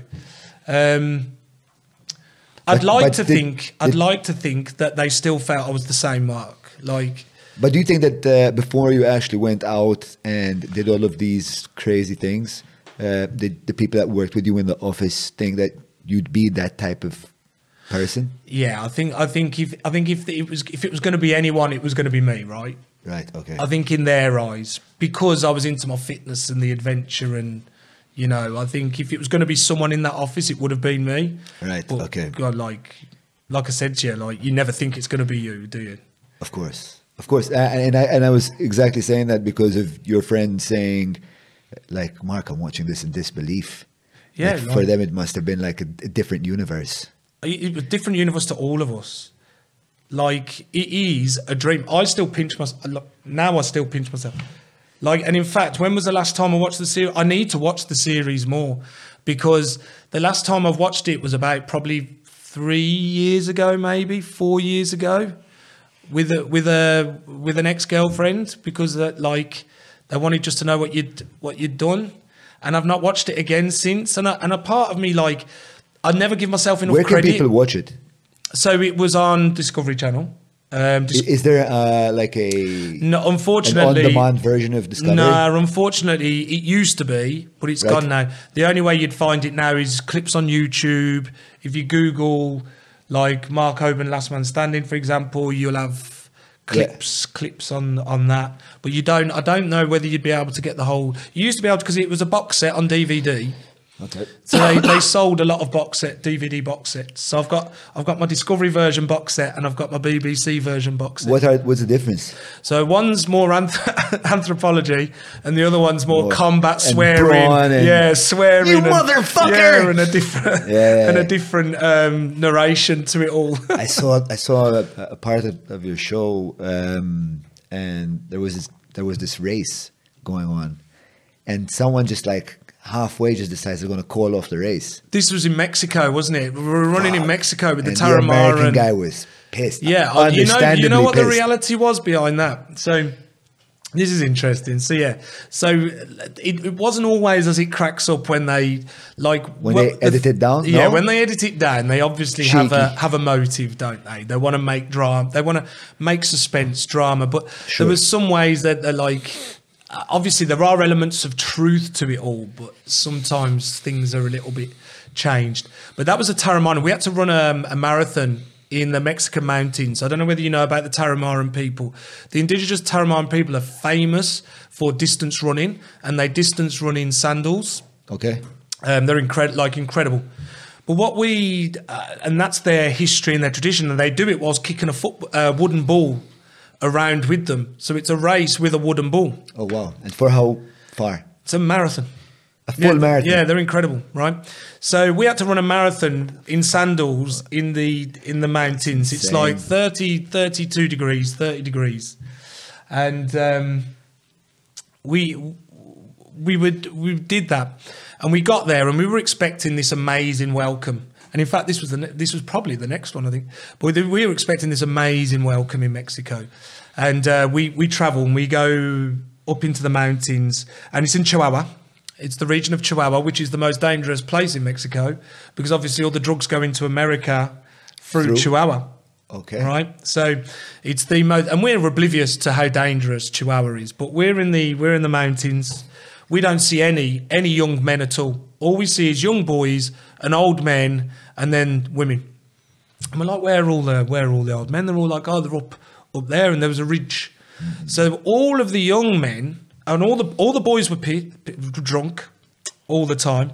The old men were drunk all the time, and all the um, working aged men were all up in the mountains growing marijuana to be shipped into The into USA. Yeah, yeah, so that was a really weird experience. That one was like we had a good feel for it, and we we did our marathon in the mountains. And Jason was pissed that it got called off, but actually there was two of us ahead of Jason when it got called off that weren't giving up. So actually we we were. I like I was ahead of Jason at that point. Right. Ryko was slightly ahead of me, but Ryko Right. was about to give up. Um, so then it would have been me, and I weren't ever giving up because I don't, don't, I just don't give up. Um, and then Jason wouldn't have given up either. So, but they, but for the drama of the the program, Jason needed to like Jason could like Ryko won it in the end though, didn't he? That one. Yeah. Yeah, Ryko won that one in the end. All right. Yeah, that was a crazy one. The food was good there though. That that food was good. The tacos, homemade tacos, and it was very Mexican, proper Mexican food. That was absolutely loved that one. And did you like Mexican food before you went? um, well, it's like rice. You can't go wrong with rice, can you? Like, Rice, Yeah. spicy beans. yeah, I didn't like spice before I went away. And I then- loved spice after India, the India trip. That was like hot curry for breakfast, lunch, and dinner, but not just normal hot curry. Mm-hmm. This was like your lips go red, on fire, hot curry. That was a baptism of fire, literally, into spicy food for me. So yeah. Yeah, there wasn't much spice in, in the in the indigenous Mexican food. There wasn't much spice. It was literally beans, um, a bit of rice, and, Do and like just beef there as well? taco. Mexico yeah, but of course of you've got to remember that in in the it's like Mongolia. Like there's lots of lamb, there's lots of, but you never ate that. That was the indigenous people didn't eat the expensive part of the food. So, for example, in Mongolia, your part of the sheep was sheep's brain, sheep's penis, sheep's ears, sheep's tongue, goat's testicles. That was your food because what they then did, they then sold all of the, the good meat cuts. to to the people in the cities. Mm-hmm. So you did you you never got the good the really good stuff. We only had the good stuff in um, uh, Peru. Peru we had um, we had some decent meat in Peru. How many countries did you go to in total? Uh, 12. 12 indigenous tribes. And is uh, is Peru next? Uh, no, Peru's one of the last ones. So we've just done Mexico. So now I might as well tell you the South. Uh, no, I'll tell you the Brazil one, the Kalapalo wrestling. So the Kalapalo wrestling was the very first one in the series. That's the very first program. Okay. But it wasn't. It was the third one to be. Yeah, it was the third one to be filmed. So we went from Trobriand Islands back home. Then we went to Kalapalo to do the Kalapalo. So this was in Brazil. We went and lived with a tribe there that we had to have permission. The BBC and Discovery Channel had to apply per- for permission to the Brazilian government Right. um, that we could go in. So we had to have Why is it so important for the Brazilian government to know if you're going? because they want to protect the tribes. So they do it to protect them, to stop anybody just going in and Western civilization on their yeah yeah on yeah. their lives. Yeah, yeah. Is it also a case that they hadn't seen uh, Westerners or, or outsiders for yeah, a long yeah. time? Yeah, like like I said, Brad was a celebrity again because he was the big, the strong. Because it's a wrestling one as well. These guys didn't like you. They they really like the rival tribes again. It was that masculinity thing. Right. What was incredible about this place, I know this is where some good stories come in now. Um, we fly into um, Sao Paulo. We then go to another city called Goiânia, which was massive. Like I didn't realize how big these cities were. Never even heard of them. So we went into Goiânia. Guy- Guyana. Yeah. I thought Guyana was a country. No, no, that's Guyana. This is Goiânia in Brazil. It's just a small city Okay, in all Brazil. right, all right. All right. Um, so say a small city, still two million people, so it's still like. Um, and then we went to a little tiny hold-in place where we'd then get a light aircraft into the Amazon itself. And of course, I've never been to a rainforest before, let alone the Amazon. This was like, whoa, we're going to the Amazon. Now, this was like the stuff dreams are made of as well, isn't it? What was really, really disappointing, and I need all your listeners to understand this, is it's not until you fly over deforestation of the Amazon that you realise how big and how like we were nearly we were nearly in tears oh, like in the plane going into the amazon seeing the extent of deforestation it, it was really for us it really destroyed us actually to see what was happening it was like as far as the eye could see deforestation deforestation of the amazon it was horrific Oh shit. What's the what are you the- don't understand it until you go and see it for yourself why why are we uh, performing so much deforestation? well What what's what are what are the main contributors of deforestation? Anyone help us out Yeah, Adele can always help us out with that. I mean. I, wood imports, I'd imagine, right? And obviously agriculture. and agriculture, I would Yeah, say. yeah. Probably. That's a, a guess. That'd be the common. That'd be the most plausible thing, wouldn't it? Yeah. So uh, industrial agriculture, uh, timber logging, mining, expansion and infrastructure, climate change. Climate change is causing deforestation because it's burning forests up. Mad. And and like I said to you, you don't really understand it until you go and see it for Was yourself. everyone shocked? We were shocked, all of us. It was like, uh, it was upsetting. It really was. And that's 2006. That was 2000. So you can imagine. Wow. What it's like now. 16 years ago. You can imagine what it's like. It really it blew us away. But we then flew over that and went into the Amazon. And what you ever I don't know who who's been to a, a proper deep rainforest here. No. But the moment you the moment you get so we were on this little two seater air like two seater aircraft. We had two two seater aircrafts like going in. And you went in the moment that door opens, boom. It's like I mean I know you come out you get off the plane when you come to Malta in heat in the, the in Yeah. the summer and you the get heat wall. Yeah. But this was too this was suffocation. This was like whoa, like this is hard to breathe. Like you just sweat. Like you're soaking wet within the first like 15 minutes of getting off the on it's unbelievable. Is it? Does it like burn? Yeah, to- it's like you you you inhale? struggle to breathe. Yeah, it's it's it's incredible. Like it was never I never experienced anything like it. It was crazy. Did they prepare you for any of this stuff, or no, they prepare you for the snakes. They prepare you for the some of the insects. They do prepare you for the snakes. I'll give them that. They do prepare you for those. How does that work? Like, do they take you to a classroom and? Yeah, it is pretty much a makeshift classroom where they give you pictures of snakes and go right, don't don't do that, avoid that one, right, but do that. We had you have a bit of jungle training to how to chop things, and so we had like um, serving military people with us and stuff like that. Um, but what was what was amazing about the Kalapalo, um, I, I mean, if you if you actually Google m- like me and Last Man Standing, you'll see some pictures of me with the Kalapalo wrestlers. What was and they- they're on my Instagram as well. And oh, so that's okay. Okay, so it's it's while you're in the country, right? That they give you the training Yeah, for that Okay. specific area. Yeah, for that specific area. Mm. Okay. And I've got some. I've gotten some really good, re- a really good story about that. Like later. About the snakes. Yeah, about the snakes, but that's uh, in another country. But I'm going to tell you a story of this one now. So we we the, the the hosts meet us. We go on boat. We end up walking through the woods and the, the the forest, and we get given our house. And in our house, you you sleep in um, hammocks, and we filmed. We used to film ourselves in hammocks through the night because we always wondered what happened in the middle of the night. We wished we hadn't filmed ourselves in the rats. Like you, you're asleep and you're seeing rats crawling all over, all over you, and things crawling all over you in the middle. I was crazy. Like you're thinking, I'm not going to sleep again tonight. You're watching things go all over because you're asleep on your hammock. You don't even. Wow.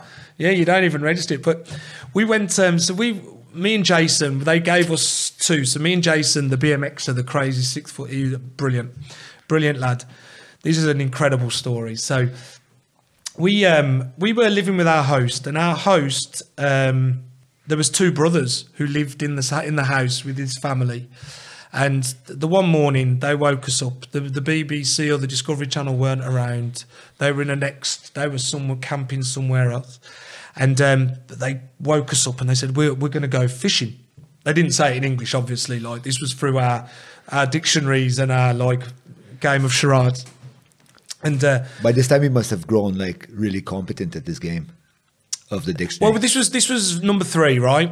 So you you you tend to yeah, you know what you're now you doing. now you know what you Yeah. need to do. because there's no there's still no toilets are there like you still not get any of that you're still doing everything in the in the woods and um, so they've gone we're going we're going fishing they told us to come so bearing in mind me and Jason Jason's from the Everglades like he's from Florida Right. all right so I'm going to describe this to you so you know when you watch David Attenborough programs Sure. you know when they show Amazon rivers and you see like a, a river and the trees are all over the top and it's Like it's all arching. yeah, It's like arching over the river. Yeah, yeah, yeah. Foliage. So we're like, "Oh, okay, we're going fishing.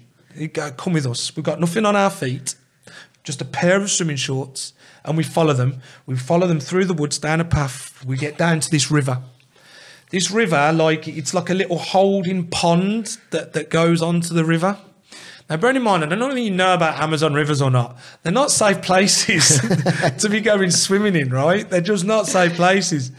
So we're we're there, and the the hosts have gone into the water. They've got sticks. They've got sticks in front of them. Crazy. And I'm like, why have you got sticks? Well, I'll tell you why in a second. So we're like, they've disappeared around the corner, and I'm thinking, right, me and Jason are going, so they're going, to be back in a second. We thought they were going to come back with a boat. No, they didn't come back with a boat. They come back to get us in the water. So oh, they've called us into the water and we're walking, going into this river, and I'm like, Jason, man, like, like what you might I mean, I'm like, you're from Florida, like fuck's going on here? And he's gone, dude, he's like, I don't know. He's like, but there's um he said like there's stingray in this like the, the Amazon rivers are full of stingray, full of stingray. Now, if you know about stingray, you don't want to be hit by a stingray. Yeah. You don't want to stand on a stingray. That's what their sticks were for. So their sticks, so they're prodding the floor in front to kick up stingray so that they don't stand on them. Oh, wow. So that's what the barb of stingray are Is for. the is the stingray like an aggressive? Fish? No, no, no. Not un- unless you sta tread on them. The moment you tread on them, they have a barb, Mm-hmm. and that barb slices into your foot, and it, it's like um, it causes really bad. If, if your if your foot's still on, it causes really bad infections, and and barbs can kill you. So Steve Irwin got killed by a stingray, right? So how did Steve Irwin manage to get himself killed? If So he was it- playing with one, and it turned and sli- sliced him in the chest. Didn't it? purposely? Well, I don't. Well, the stingray will have just wanted to escape, wouldn't it? Okay. So it felt threatened, probably. I don't know. I didn't see the footage, but for us, Did we interview the stingray? yeah, it went straight in, didn't it? Into into his. Um, Yeah, yeah, because it looked like uh, it, like to me that I knew nothing about stingrays. It just looked like the thing just lunged into his chest. Yeah, so that's what they do with the barb, though. So we, we there was one nasty accident where uh, a local got what got his foot done with a barb, but we we were in this river. And this is God's honest truth now. I'm going to explain to you exactly. If Jason was here, Jason is probably going to listen to this. He'll be, that he'll listen to it. The Americans will listen to this. So that's good. You've got you a bit of an American There we go. Broadening our- our audience to the- Happy days, yeah. Um, Ambassador to the UK. Because by the way, he's fucking half Maltese. This guy told no one about this. And that's our little Uh, secret. I'm gonna come- half Maltese. I've got a Maltese passport. Yeah, I, I- I'm gonna should have given context to this fucking thing in the beginning. I'm going to um, I'm going to come back to that. You know, I'll, I'll I'm going to talk about me being half Maltese. Like, I'll come back to that one. Anyway, so let me tell this story, right? Because this is a good. This is like it's my favourite story to tell, really. So we've gone down and we've got to about chest chest height water, and the way that they were fishing was they pulled a net all the way across the river Right. and the host was one side of the river, the brother was the other. We're then in the water, and Jason's going, Look, from my experience of the Everglades, what we need to do is put our feet under the mud of the floor of the river and scoop our feet so that if there are any stingray, rather than stepping on them, we're kicking them we're up, them so that yeah. they go so that they go away. So I might have to get out of the seat in a second and pull everything down. But um, so I'm scooping through the floor. Jason's scooping through the floor. We're holding the net in the middle of the river. The river's up to here on us, right? We're going. Th- we're going through. We're going through the river, holding it. We've got a bag each for the fish that the host is is putting the fish in. So we're there, and the host is putting the fish in the in the bags. I'm holding the net. He's holding the net. One host is there, one side of the river. The other host is on the other. They're walking with the nets there. I've got fish in here. I've got a stingray underneath. I'm under the mud trying to kick the stingray. I'm looking at Jason, going, "What the fuck's going on here, Jason? Like, I don't feel, I don't feel safe here. Like, this doesn't feel good."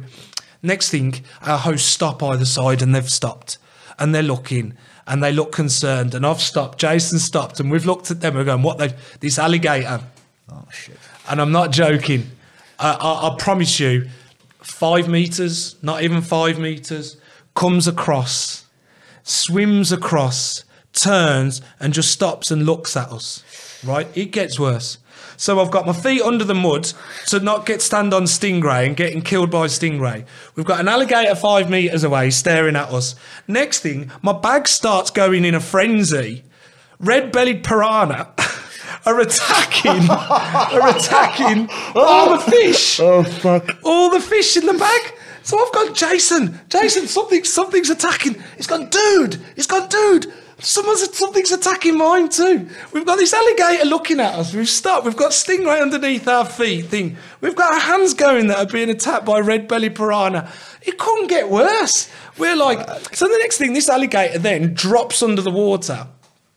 Like I'm like Jason. Jason turns around to me. He says, "Dude, he's gone. That's a big gator. That because you can tell. He told me you can tell by the the width of the eyes, right? He's gone. That's a big gator, you know. But he said that's about a nine ten foot gator, like easily. I'm like Jason. I don't want to know that right now. I've got I've got red belly piranha attack. I don't want to. Don't tell me that. Like I'm like he turns around and goes, "What the fuck are we doing?" Like this. I'm like I'm like, absolutely. It was like the most surreal thing. So then the, then all of a sudden the hosts have started to relax a little bit. The alligator's got up. He's gone out of the side and he's just gone and stood on the side and watched us just having this wonderful time in the middle of this in the middle of this Amazon River. That's exactly like what you would see in the David Attenborough films with the, the trees coming over. We finish our fishing. We get out the side. We make a What did little you catch? with the catch No, that's what left. did you what did you catch? um, well, there's- I, I mean, I'll- I'm not an expert on it was fish, right? But like more fish. it was more fish, right? Okay. So really, I'm not an expert on Amazonian fish. Like I just I ate it. So that was the thing. So when we cooked, we And cooked but you're no good with seafood. no, but this was the amazing thing about this was this was where I learned how to debone a fish. I was an expert. This was the crazy thing. Don't eat fish. By the end of the Brazilian, by the end of the Brazilian uh, trip, I was an expert in de deboning fish with just my hands. Like expert, it was like you had the root, so you'd take off the spine, you'd flip the fish over. You knew which side of the fish to flip over before you took out all of the the the ah it was like You we fucked it like that and you never knew its name. never knew its name That's terrible. no it was very nice though. White fish it was like a white fish. Red belly piranha were good to eat as well. But we they, they'd already had their meal. They'd had their, their fun. What red be- red belly piranha is the thing that they fish? Is well, yeah, they like- eat them. like- they're, they're quite big fish. They, they eat them as well. They catch them and eat them as well. They were they were like a, a big how, staple how dangerous diet. are they really? They're not really, not to us, not to humans. But you don't know that. Like it's only Of until course. after the event that you like. But everybody, they've got this really bad reputation. But it's not for humans. Like they're, they'll Ah. frenzy on a on a fish, but no, no, not. Jekk tixtieq tappoġġi dan il-podcast tista' tagħmel dan billi tissieħeb magħna fuq patreon.com forward slash John Malija jew billi tagħmel użu mill-prodotti u s-servizzi tal-azjendi li jagħmluh possibbli. Derek Meat 9986645 biex wassallek ix-xirja fuq l-adba. Mill-ħobza ta' kuljum sal-parti tal-preċett Better Call Maple. Tutu 581-581. Pinta stretta, pinta pjaċir. Kutriko for heating, ventilating and air condition services. Garmin minant il-Metcoms tal-Gżira. E-cabs for value, convenience and reliability. Experience Ultra Premium CBD with State of CBD. Free Hour, the go-to app for students. Shoulder.mt biex tieħu ħsieb l-obligi kollha tiegħek ta' compliance u AML. Agenda Bookshop għal varjetà wiesa ta' kodba għal kull età u ġeneru. So, like, I believe, I don't know if it's, I don't know if it's like a memory that I've convinced myself I've seen of like, uh, uh, say, a horse carcass being dropped into the river and then the piranhas come and they just They demolish. They actually, it down to the. So, they don't ima- touch it. So you know they demolish it. They You- do demolish yeah, it, You, you yeah, can yeah. imagine. You can imagine what was going on in the bag. The moment they've, they've there's a fish. boom, Very aggressively. really aggressive, but they didn't do anything to us. So I think maybe we still had a leg on or something. I think if we had half a leg on, I think it'd be a bit different, wouldn't it? That would be We'd that, have a that- feast. Mm. that would be sensational.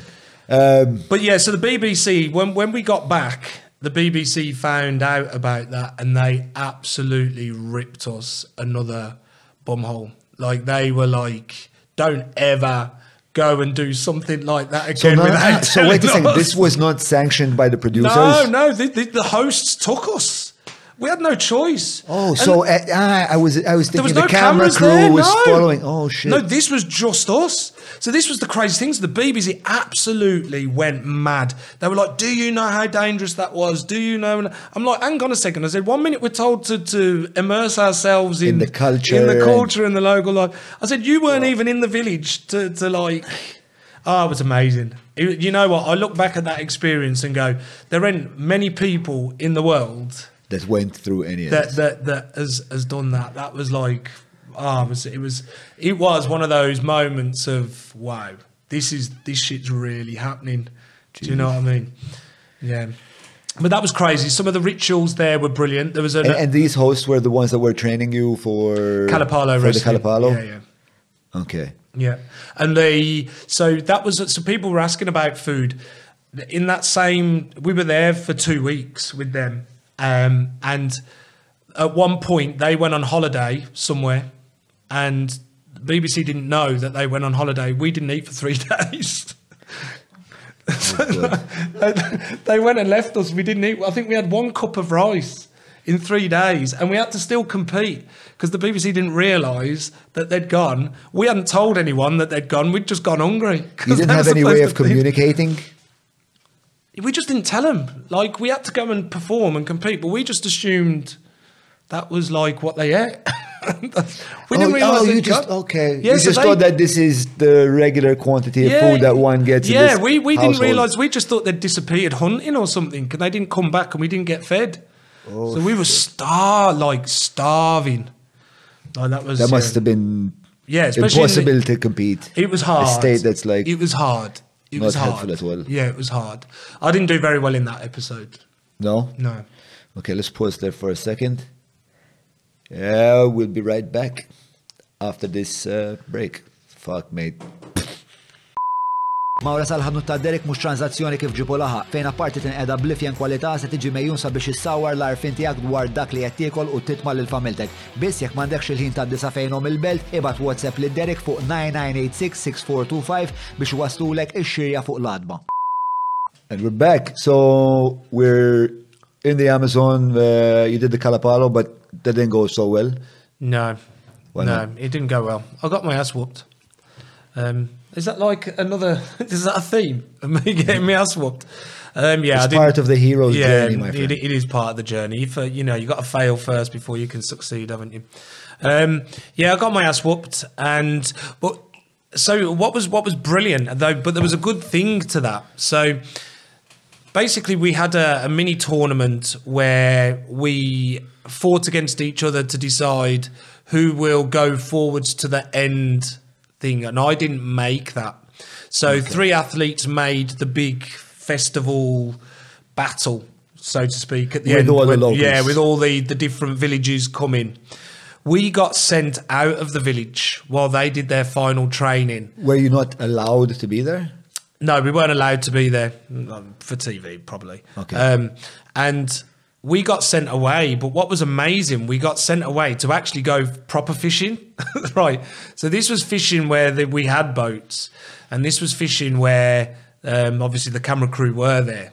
And this is so what they would do for this fishing. And it, to be fair, it was a really good experience. So we went and stayed. All the women go and stay in the woods in the in the forest and we went with the women and we were we had our hammocks and we stayed there the night open hammock sleep in the night in the jungle i don't know whether you know but in the jungle the jungle during the day is actually a quiet place but the jungle at night is when it comes alive and it is just the most incredible experience at night so we got to experience jungle um, for the very first time. We experience it again later in the series, but for the very first time, we experience a jungle underneath, like without any cover. You're actually in the forest with your hammock between two trees, with all the sights, the sounds, the. Is there like netting above the hammock?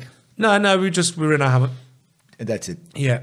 And what kind of sounds are you hearing? Like it just comes it just it just comes alive like the noise the animals the insects like it's just so noisy but it's like um it's like a therapeutic noisy does that make sense like Yes. it's just It's like one of those YouTube tracks that are 10 hours Oh, long. right, exactly that. But twice as loud as that. Like, unfortunately, you can't control the volume of what you're listening to, but for some reason, it's Is still calming even though it's yeah, so loud? It, it, I mean, you, you, you, it's really strange because uh, uh, uh, it was the first time that you're experiencing it, and it's loud, and it's, but it's also very, it's very peaceful at the same time. It's just, it was just a very different experience. It's quite a spiritual. I don't, I don't want to be the cliche, but it's quite a spiritual experience Yeah. of just being so with nature in a, Yeah. like, I, I think the proper closest, nature, the closest proper thing you can get to like the spiritual is where like you're in awe of something. You were in awe. And That's you- and you are, yeah, good for way to describe it, John. Yeah, you were you were in awe, and we we were there to do this fishing. And what you do with the May I just ask about the size because I really want to imagine this. Yeah. Mm-hmm. So outside of the the sounds, um, are, you- when you look up, are you seeing pitch black? Are you seeing? at night time. What was crazy? So yeah, you, you couldn't see much because it, there's canopy and there's trees, right? But when you're in an indigenous place, uh, Mongolia was was the best example of this. You look up because there's no light pollution at all. There is not one drop of light pollution.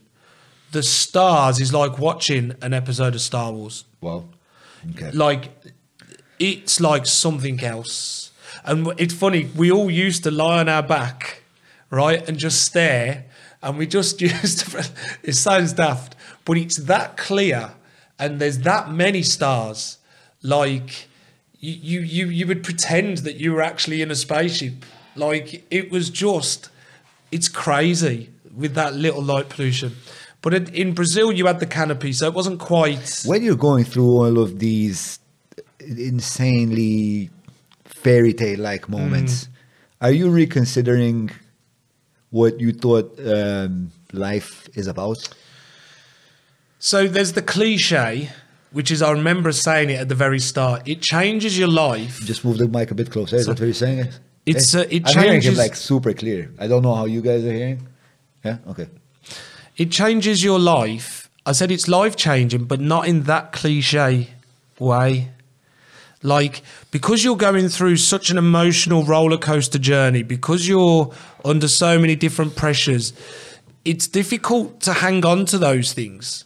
Because, like I said, there's so many ups and downs. You are struggling sometimes. You are, and I remember saying to you that you you you have to kick yourself. You're annoyed with yourself. You're like, come on, you. This is a, this is a, The once in a, a lifetime. once in a lifetime experience, and I should be really.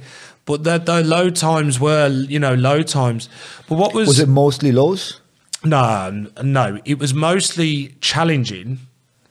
Um, I had a, a few low times, um, but I managed my managed myself quite well, I think.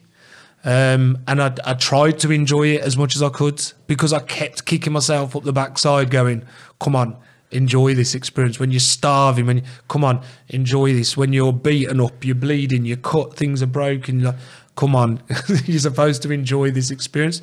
And although I never got through to the final of that Kalapalo, I told you we got then a new experience, the three of us, where we, we were sleeping under the stars, where we went fishing, a different type of fishing, and it was incredible. So the way that they did it, they would use this root, where they would smash this root, um, put it, put nets around, so that the fish couldn't go anywhere. Put the roots into the water, poisons the water, which then makes the fish jump. And so, what you try and then do is catch the fish into your boat. Oh. So, it's fishing by actually catching the fish in midair. and the spectacle of it, or the all the like the village were out like on the boats, just catching all these flying fish just from no massive fish just coming out and flying and they're flying at you in every direction and you're trying to hit them and catch them in nets in the in the air rather than in the water oh, it was it was crazy Can you imagine the first guy that went into the into the water with a root and like so just saw these fish suddenly just jump everywhere? start jumping the fuck is this? Honestly, but we were like that. We were like, "Whoa, this is like crazy!" And it was funny at that point. That was when one of the local people got um, hit by the um, the barb of a stingray Uh, during during that moment of, of the enjoyment of the fishing. But it was a spectacle. Now that that one is on camera. That one is visible on the. on the series. on the series, the barb, yeah. the barb going into the No, no, no. The well? fish, the fish coming out. They didn't put that bit. The fish, the fish, and us trying to catch the fish and slam them into. Oh, it was it was crazy. Is it like brilliant. multitudes of fish? Yeah, like you, you, you'd have to watch it. It's like they just keep coming, just keep coming, different sizes, and you're just hitting them into the boat. That's crazy. What this route, the effect that this route had on the fish in the water, it just turned them into this flying frenzy, trying to get out. It was crazy. So we were lucky to experience that. The others didn't get to experience that. Instead, they were getting beaten up in the um, in the village still. And uh, how, how did your uh, colleagues fare? How did they do? Um, only Brad. Brad won that one, the wrestling one. that Um, is the strong man. Yeah, because he's difficult to move, isn't he? Like, Yeah. Um, the others did all right. Did he win in the comp- the actual He- competition? The not not in that one. No, he won out of us lot though, so Okay. he won that episode. So so he was obviously advantaged in the wrestling. Yeah, so so you felt like wrestling wasn't your uh, It- strongest. Well, we, um, I was good at it, but it wasn't like that one. uh, I certainly wasn't very like. You know, to, to lose one wrestling match and then get kicked out, you're not given real great opportunity to be To good. at figure it. out yeah, yeah. if you actually- But yeah, no, the wrestling ones, like I said to you, it tends to suit the bigger guys. If you're all on the same playing field, the bigger guys will be better than you at it. Sure. And uh, how did that feel? You don't like losing, do you? You don't, I mean, you don't want to be there to lose. I tell you, like it was gutting because to be to not get through to that final bit, I was really disappointed. But what took the disappointment away then was going to experience the other thing, which you then think, well, actually, I wouldn't have experienced this and had this amazing time if I didn't. So, like every cloud had a silver lining. If that makes sense Yeah, sure, sure, sure, sure. in in that episode anyway it was uh, i was quite actually then like actually it wasn't so bad to lose this one because we went and did that Meanwhile, uh, so this is the is this the fourth uh, place? so i've explained four now Yeah. so so how are you far doing? How are you doing in the scoreboard? i haven't won one yet Okay. No. And is there someone that's like uh, brad's brad's ahead? in the lead at the moment He because won of the two of the wrestling. wrestling ones. yeah Okay. Um, all right. And then did, you go back home after Uh, that? brazil yep we went oh did we oh you, you've asked me now And every time you go back home, like that for me must have been like that's so weird to just Yeah, because I have to go straight back into work. Yeah, the Brazil one, we went there, we went back. It was the second time we went because we went to Brazil twice. We went to the Amazon twice. Late we went again and we went via Chile and everything to get there. But no, this one, we went to Brazil, we went back, and then we went down to South Africa. Does it feel like the world is on mute when you're back home? Uh, that you know that the, the thing is is that it's amazing when you're in that situation and you're isolated you think about home i think because it was such an ex- it was a fresh experience when i was young and i'd say 26 27 like if i was to do it now i wouldn't even, i wouldn't think about home once I wouldn't even think about home. But because it was the first real experience of being away for so long Yeah. and to be pushed in so many different ways, so many new experiences, so many difficult situations, hunger, food. Very little support structure. Right, yeah, there wasn't. Like you, you the people around you were your support structure. But that was the whole idea. Look, Yeah. that's what we signed up for. Because not having a support structure pushes you to your limits. That makes good TV, right? So you, you, we weren't an idiot with that, but you thought of home more. and that was the the weird thing. And then you'd miss home more when those low points were there. Were you looking for something in the sense inside, you know, like I don't want to use the word spiritually again, but were you looking for some At that point, no. Again, it was purpose? No, again, at that point, it was about the experience. It was purely about travel, competition, and experiencing things new. When I then went to Nagaland for the kick fighting, Right. and I fractured my heel in a kick against a local because that was my sport to lose. Um, I realised then that there was a, a, a an inner feeling of uh, losing my dad just came came back and was uh, it was quite an emotional battle at that point and about not having an opportunity to win and just to not have that pride my father pride and things like that about losing um, because I did win an episode and I'll tell you about that one when when when we talk about it but the Nagaland one was kick fighting and I was really good at it like even the locals were like this kid's good and I was beating the locals as well as beating Because kickboxing is your sport. yeah, it was. Yeah, and I even beat Brad. There's a great picture of me taking Brad out, like, and he's he's the one that's been winning the fighting ones, and like it was. There's a, a there's a great picture actually on my uh, on my Instagram of of me, him on the literally hitting the floor. Um, so what's, that was what's, my. what's the sport like? What's uh, kick? So Akakiti, it was called. Okay. Akakiti, kick fighting, and in Nagaland, and basically you just have to kick your opponent to the floor, really. And is there a, a certain part of the body where you can strike? Yeah, it's normally like I mean, it's not in your interest to kick them in the heads It- because um, any martial artist would know. You, you, as soon as you kick to the head, if there's no arms, there's no arms involved, so you're vulnerable to lower strikes. And if you're you're putting your opponent onto the floor, it's quite a risky move anyway. Right. So you you it was mostly to the legs, to the to the hips. It was it made sense to do Just that. try to get them uh, yeah, unstable, off balance and off then put them on the floor. Yeah, yeah. Cool. And obviously, you had high hopes for this, but Oh yeah, I was like, and some of the stuff we did there was crazy as well. Like we we um, like I said, Nagaland. We might as well talk about Nagaland while Yeah, we're on exactly. it now. So yeah, so Nagaland's a province of India, and it's as I said, it- it's on the it was on the verge of civil war. So we had to have checks in. There was armed. uh, which there's part of army. India is Nagaland? So you go northeast, northeast on the border of Burma. Okay. And it's on the brink of which war? It's just a civil war. They want they want to be their own country. Okay, so they're separatists. Yeah. Okay. Yeah. They want to be their own country. They want to be recognised as their own state. Right. All right. Um, which is why they've allowed us in to to probably promote that. I would imagine.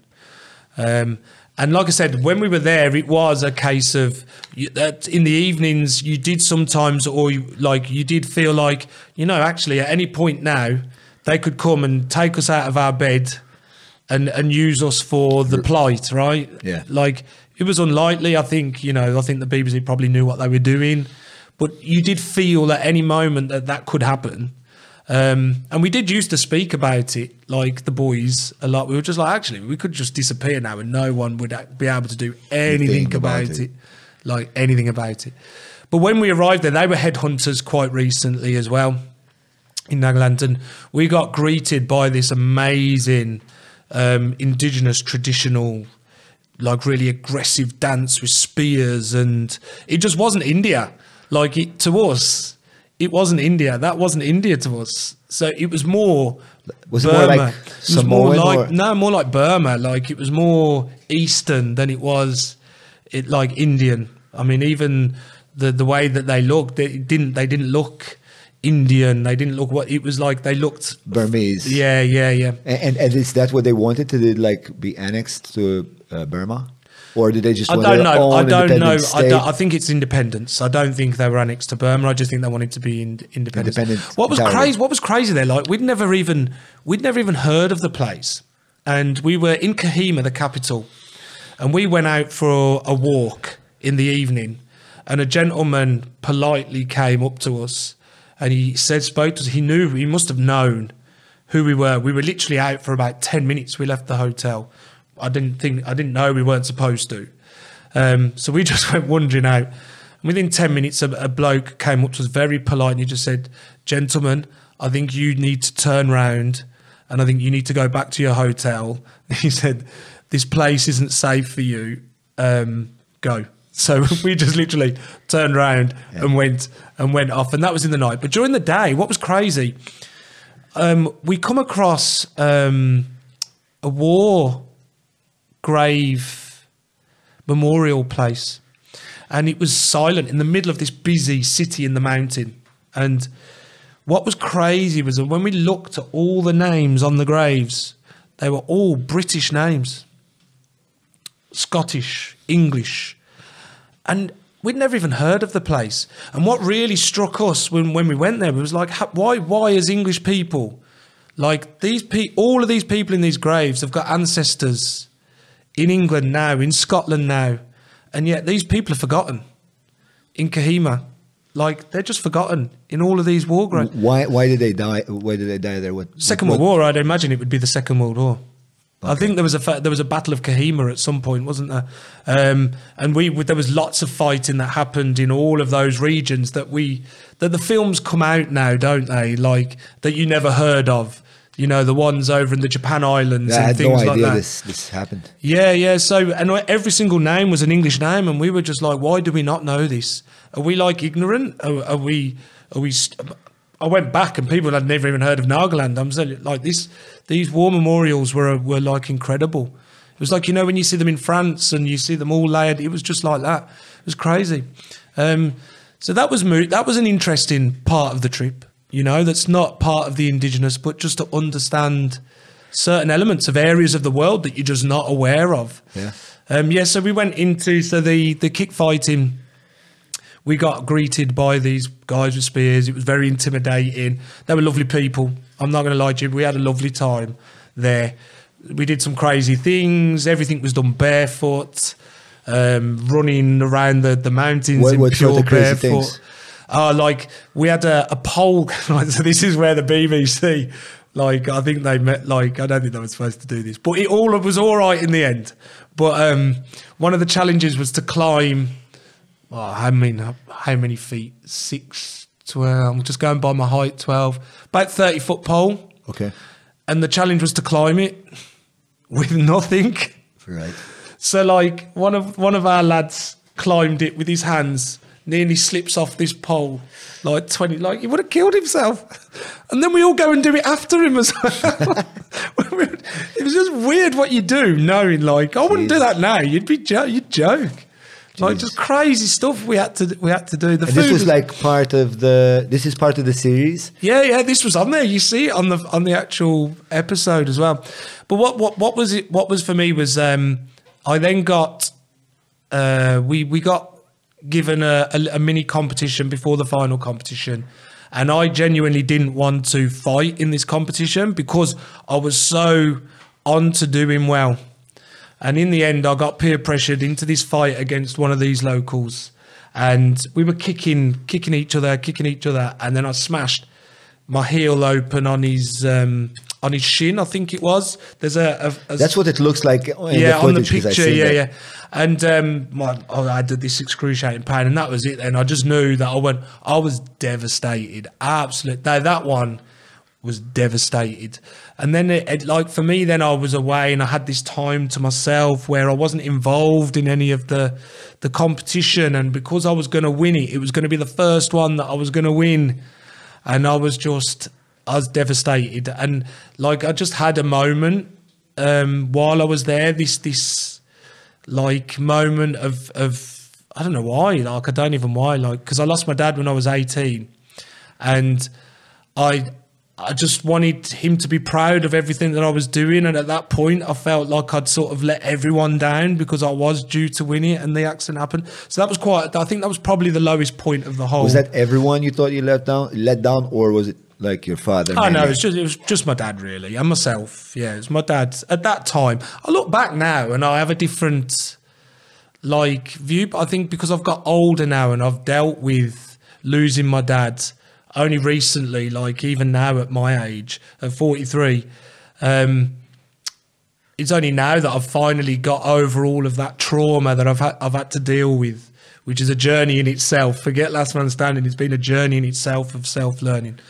Um, yeah, I look What, back what's now. that like to lose like your dad at such a young age when you're kind of like just maturing into manhood and perhaps you need the guidance Um, of well, you know what? At the time, I just thought it was life.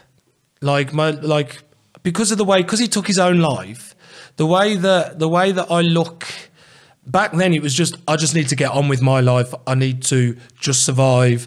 I need to do everything now that I wasn't doing before. I'm the, I'm a man now. I haven't got that and and the drive and the it was just achieve, achieve, achieve, achieve, achieve. And I never really allowed myself to grieve. I was always on to the next challenge. I had to then go to university and then I had to get a job. And but success was success like not succeeding wasn't an option. Like it was I have to succeed. So everything then the last man standing came and then after that I changed my career into teaching. Did you later find out that all this um, competition and and needing to be distracted uh, was part of you not wanting to face the fact of your father's? Yeah, massively, massively. Um, and I'm going to be very honest about it because I think um, people look at me on the outside and they see everything I've achieved. You know, like the last man standing, the the the TV presenting, the the third career. I've I've got through this career as a teacher, as I'm an assistant principal. I've got through that very quickly in a short space of time because I've been so driven. I've neglected my, I'd neglected myself. And it wasn't then until like my late 30s, early 40s that all of my relationships were failing. And I was self sabotaging relationships, never really understood why. I couldn't hold a relationship, um, not because I wasn't a good person, but I just couldn't cope with certain elements of loss that I'd experienced back then, which I've now learned through therapy and through um, having a massive. And people look at you, go, "What? You've had a massive breakdown?" I'm like, "Well, yeah, but like I've actually started grieving for my dad at the age of 42." You know, like that's when the moment hit me, and because I've I'd sidelined all of that because it was a big thing. You know, like I never realised how big it was. I was always like, no, I've just got to get on with things. That's what happens. Like, and then I realised actually, no, that's not a normal thing to happen to you. And then I read, then you learn as you get older how it affects you. um, How did you sabotage your relationships? Um, I just wasn't giving myself to someone through fear. I would always find ways out of it. Do you know what I mean? I'd find ways out of it. And I never really understood why I was doing it. Oh, well, I'm a commitment phobe. Like, it would be, you're a commitment phobe. Oh, you'd, And you'd almost laugh about it, perhaps. no, I'd hate myself for it. Okay. because uh, and that was part of the problem because then once you start hating yourself and you start feeling guilty and and things what actually going then to the, it then snowballs and you learn about yourself and you hit those real bottom rock bottom moments i like what i said now i look back at last man standing to link the two together like I would, I'd be like loving life while I was there. It would be a completely different show for me because I've hit those very rock bottom moments and come out the other side. But it's only because I've looked in the mirror and I've literally stripped everything Was back. that through like therapy? That's through therapy, yeah. Through therapy, um, and I would say to anyone, go th- go to therapy. Like everyone should go to therapy. Like, because I tell you, like now I look at I look at myself so differently, and I understand why everything because ha- it's like crystal clear now. Uh, And the difference is you've got to understand what you want to go to therapy for Right. in order for you to make the changes. You've got to be ready to make the yeah, changes. yeah, that's that's interesting to me. Like, why did it take you 42 years? It's a good question. And it's the, the question that like the, the therapist like, but it doesn't matter. It's now. And now this is the start of your life. And yeah, it might come at 42. Because then I, I was looking back going, damn, why didn't this happen when I was 30? Why didn't this happen when I was 35? Unfortunately, it didn't. And I can't then start beating myself up for that either. Yeah. Like, it's pointless, right? That's where therapy's really good. Therapy makes you, like, really make sense and and makes you understand why You things act. have happened and actually it's not all doom and gloom. It's you've had a really bad trauma, and it's affected you, and your coping mechanism was to get on with stuff and just to be everything that you thought you needed to be, when actually what you just needed to do was love yourself. And so that's what the therapy goes. The therapy, a good therapist, will, will help you understand that. I'm in the best place now I've been probably forever, really. Even though I've done all of those those amazing experiences, and actually, it's like you pinch yourself and you go, "Yeah, it was an amazing experience," but now's the start of Because you're in at peace with yourself. yeah, exactly, exactly that. That's exactly it. Wow. And because not many people know what's happened to me, they don't see that side of me.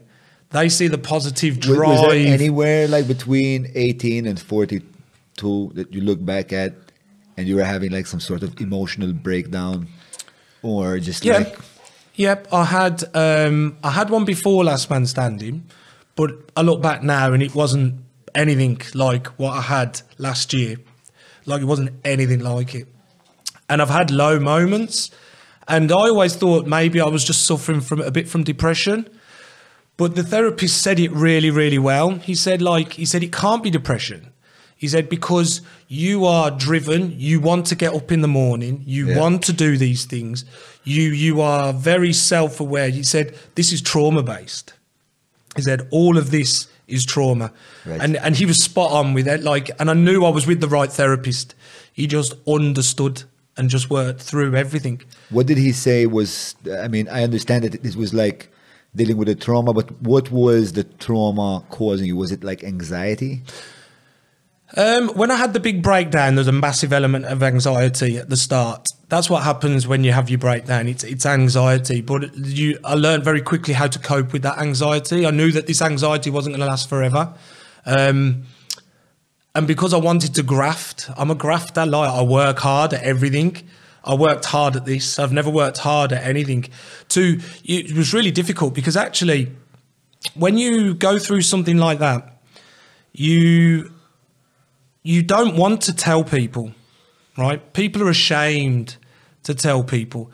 Actually, I've been more ashamed of just keeping everything within myself for 20 years than actually turning round to the people that are closest to me and asking for that help and actually being very vulnerable because I've never wanted to be vulnerable with a partner, self sabotage, right? It was that vulnerability that I realised who your friends were. And actually, I realised I had more than I thought. And actually, it was some who I never even thought were my friends were the ones that came out the most for you. People at work, work were amazing. I mean, I was going to work every day. I was going into my office. I wasn't sleeping at all at night, bawling my eyes out for an hour in my office before school. Teachers would then come in, kids would then come in, and I'm on it. And then they'd leave the office, leave the office, and then I'm at it again. For like weeks and weeks and weeks, it was just non stop crying. Non stop, but not just the tears, it was belly pain. It was like that gut wrenching, and it was getting through that process, coming out the other side and realizing, you know, that actually there are people, but you've got to be vulnerable. You've got to let them be able to help you. And that's when I look at. So I. so all the crying came out once you accepted your vulnerability No, the the crying came out uh, at the last trigger point, which was the the last sabotaging the sabotaging of a of an of another Relationship. relationship. Um, and what what's in what was interesting was that I got so my dad my dad was 43 when when he took his own life and what was really interesting was that I was 42 coming on to 43 the same age Jesus. and I got to the same place jesus so I'd got to the same place, but actually, I was the other. The one option was never an option. It was never going to be an option to me. It was. I'm not going that way. I need to go the other way, and that's where. Then that's when the vulnerability come. Was actually I don't want to go down that route. I'm going down the other route.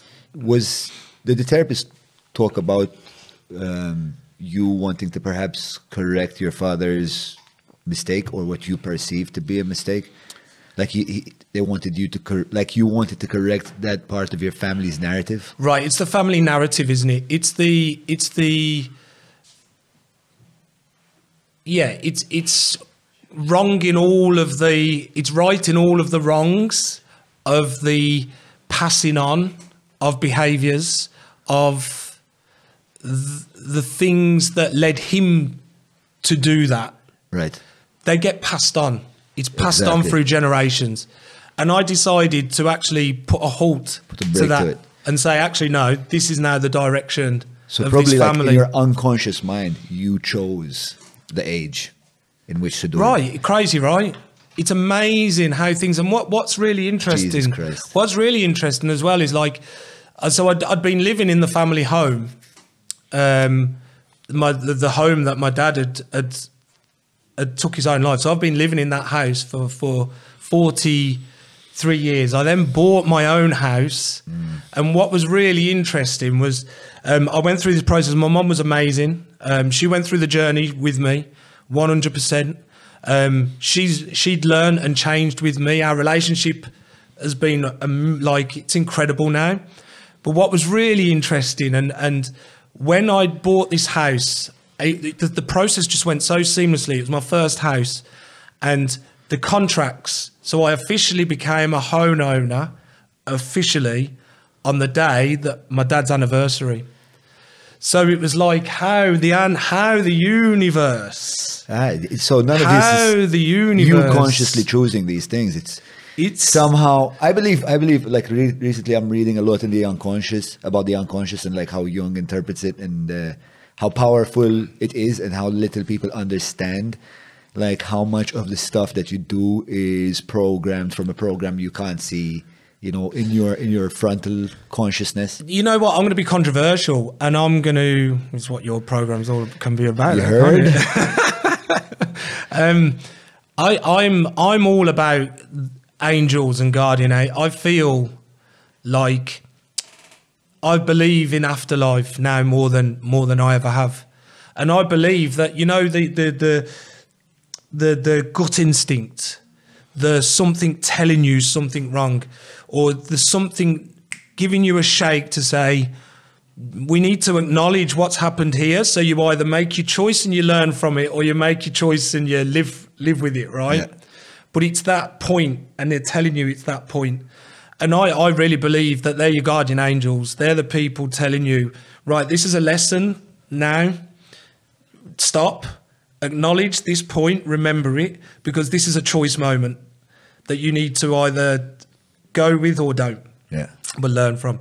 And I believe that that my dad was involved in was put in helping me put all these.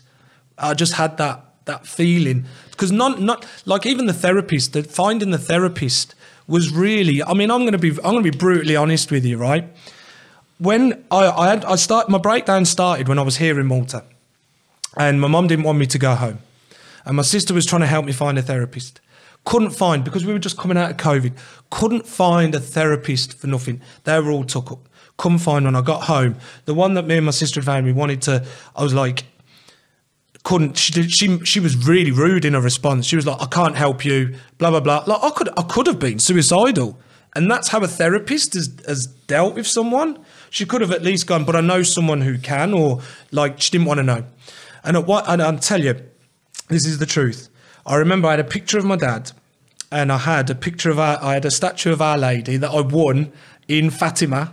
At the I won a, a statue of Our Lady at Fatima when I went to the to the shrine in Portugal. how do you win right, don't at, ask. at like you are one competitive motherfucker to win a statue of Our Did Lady. you have like the best uh, Our Father who art in heaven? Like he can say it backwards. Okay, you win a statue. Honestly, like it sounds, sounds so random, doesn't it? And I remember though, and I got back and I couldn't find a therapist, and I'd sent all of these therapists an email in the end to try and just get a response.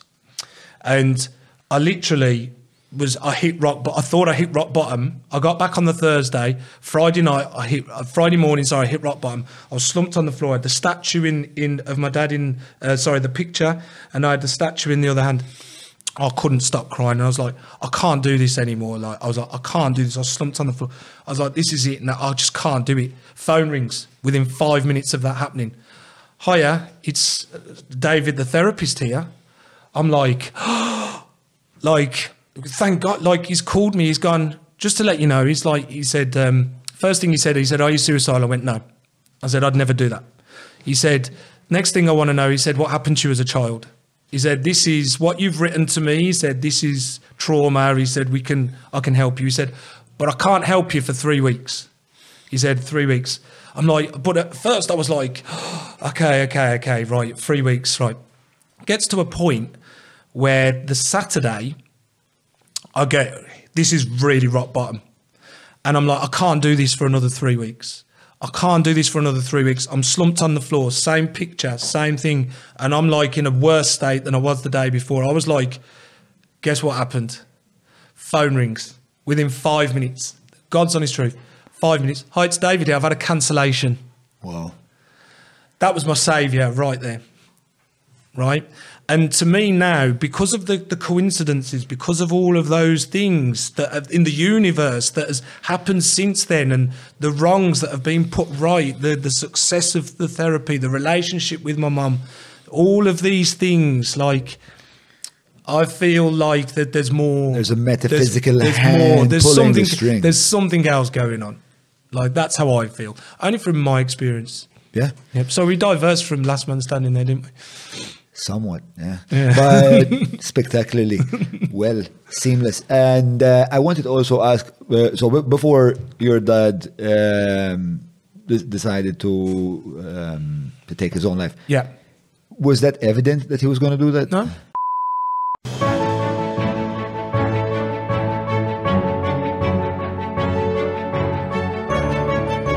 Il-ħobza tal-Malti, il-ħobza tal-Maltin, minant il-Maypole. I don't think it's ever evident, is it? It's always a shock to people. That's the problem. Because if it's not a shock to people, normally you're able to help, right? Right. So, you know, it's one of those it's one of those things I don't I don't need to pick apart. Okay. What I need to do is change the future. Does that make sense? Entirely. Yeah. yeah, like yeah. so it's it's me I need to change.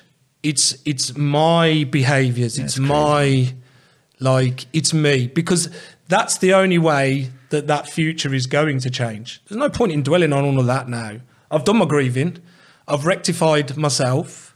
I've my relationships with families changed.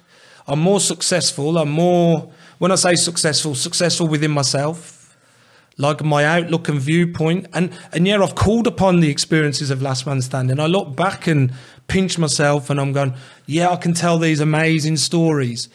But actually, I look I look mostly and go, well, you know what? I've done all of that, and look at where I was this time last year. I was that little child that needed help again. And I, I feel like that moment where I signed the contract for the house on that day was really the start of the the really the start of the rest of, Of your life, isn't it? Yeah, Of a new story for your whole family. yeah. That's very deep. It was deep, but it's So and uh, but I'm also wondering because it's at 26. No, you're in uh, Nagaland.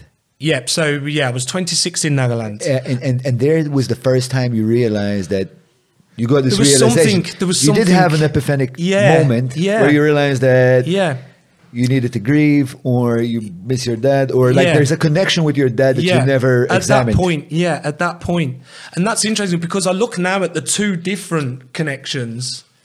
That was the that was a start point which I never did anything about. That could have been the start point that actually should have happened. That could have been that po- that Yeah. point where That's what I'm wondering. Like, uh, was that the point? Did I not listen to it? Did I not? But I can't look at it like that now, and I just have to go. Well, no, I've had it now. Now it's moved forward. It's interesting because those two connections are really interesting.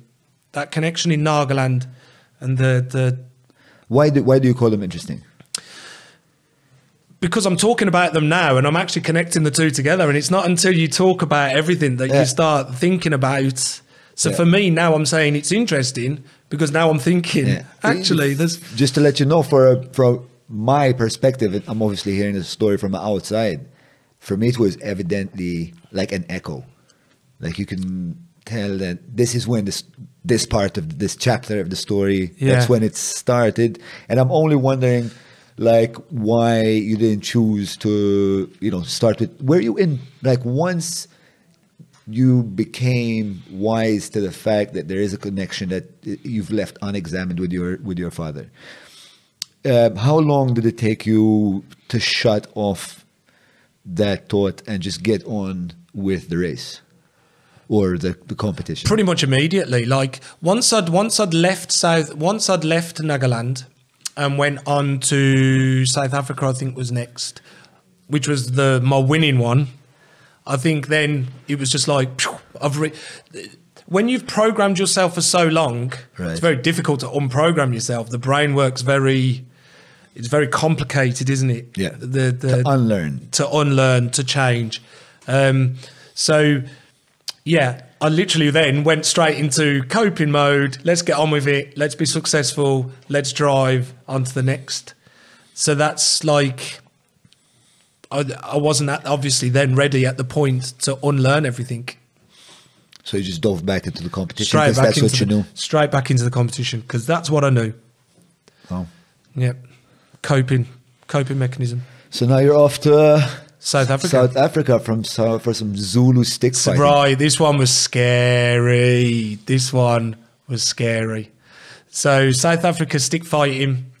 Um, the tribes, although indigenous. May I just ask you one last question Yeah. about the previous chapter? Is Yeah. that okay? Yeah. Uh, how did you learn that you were done grieving? How did you know that?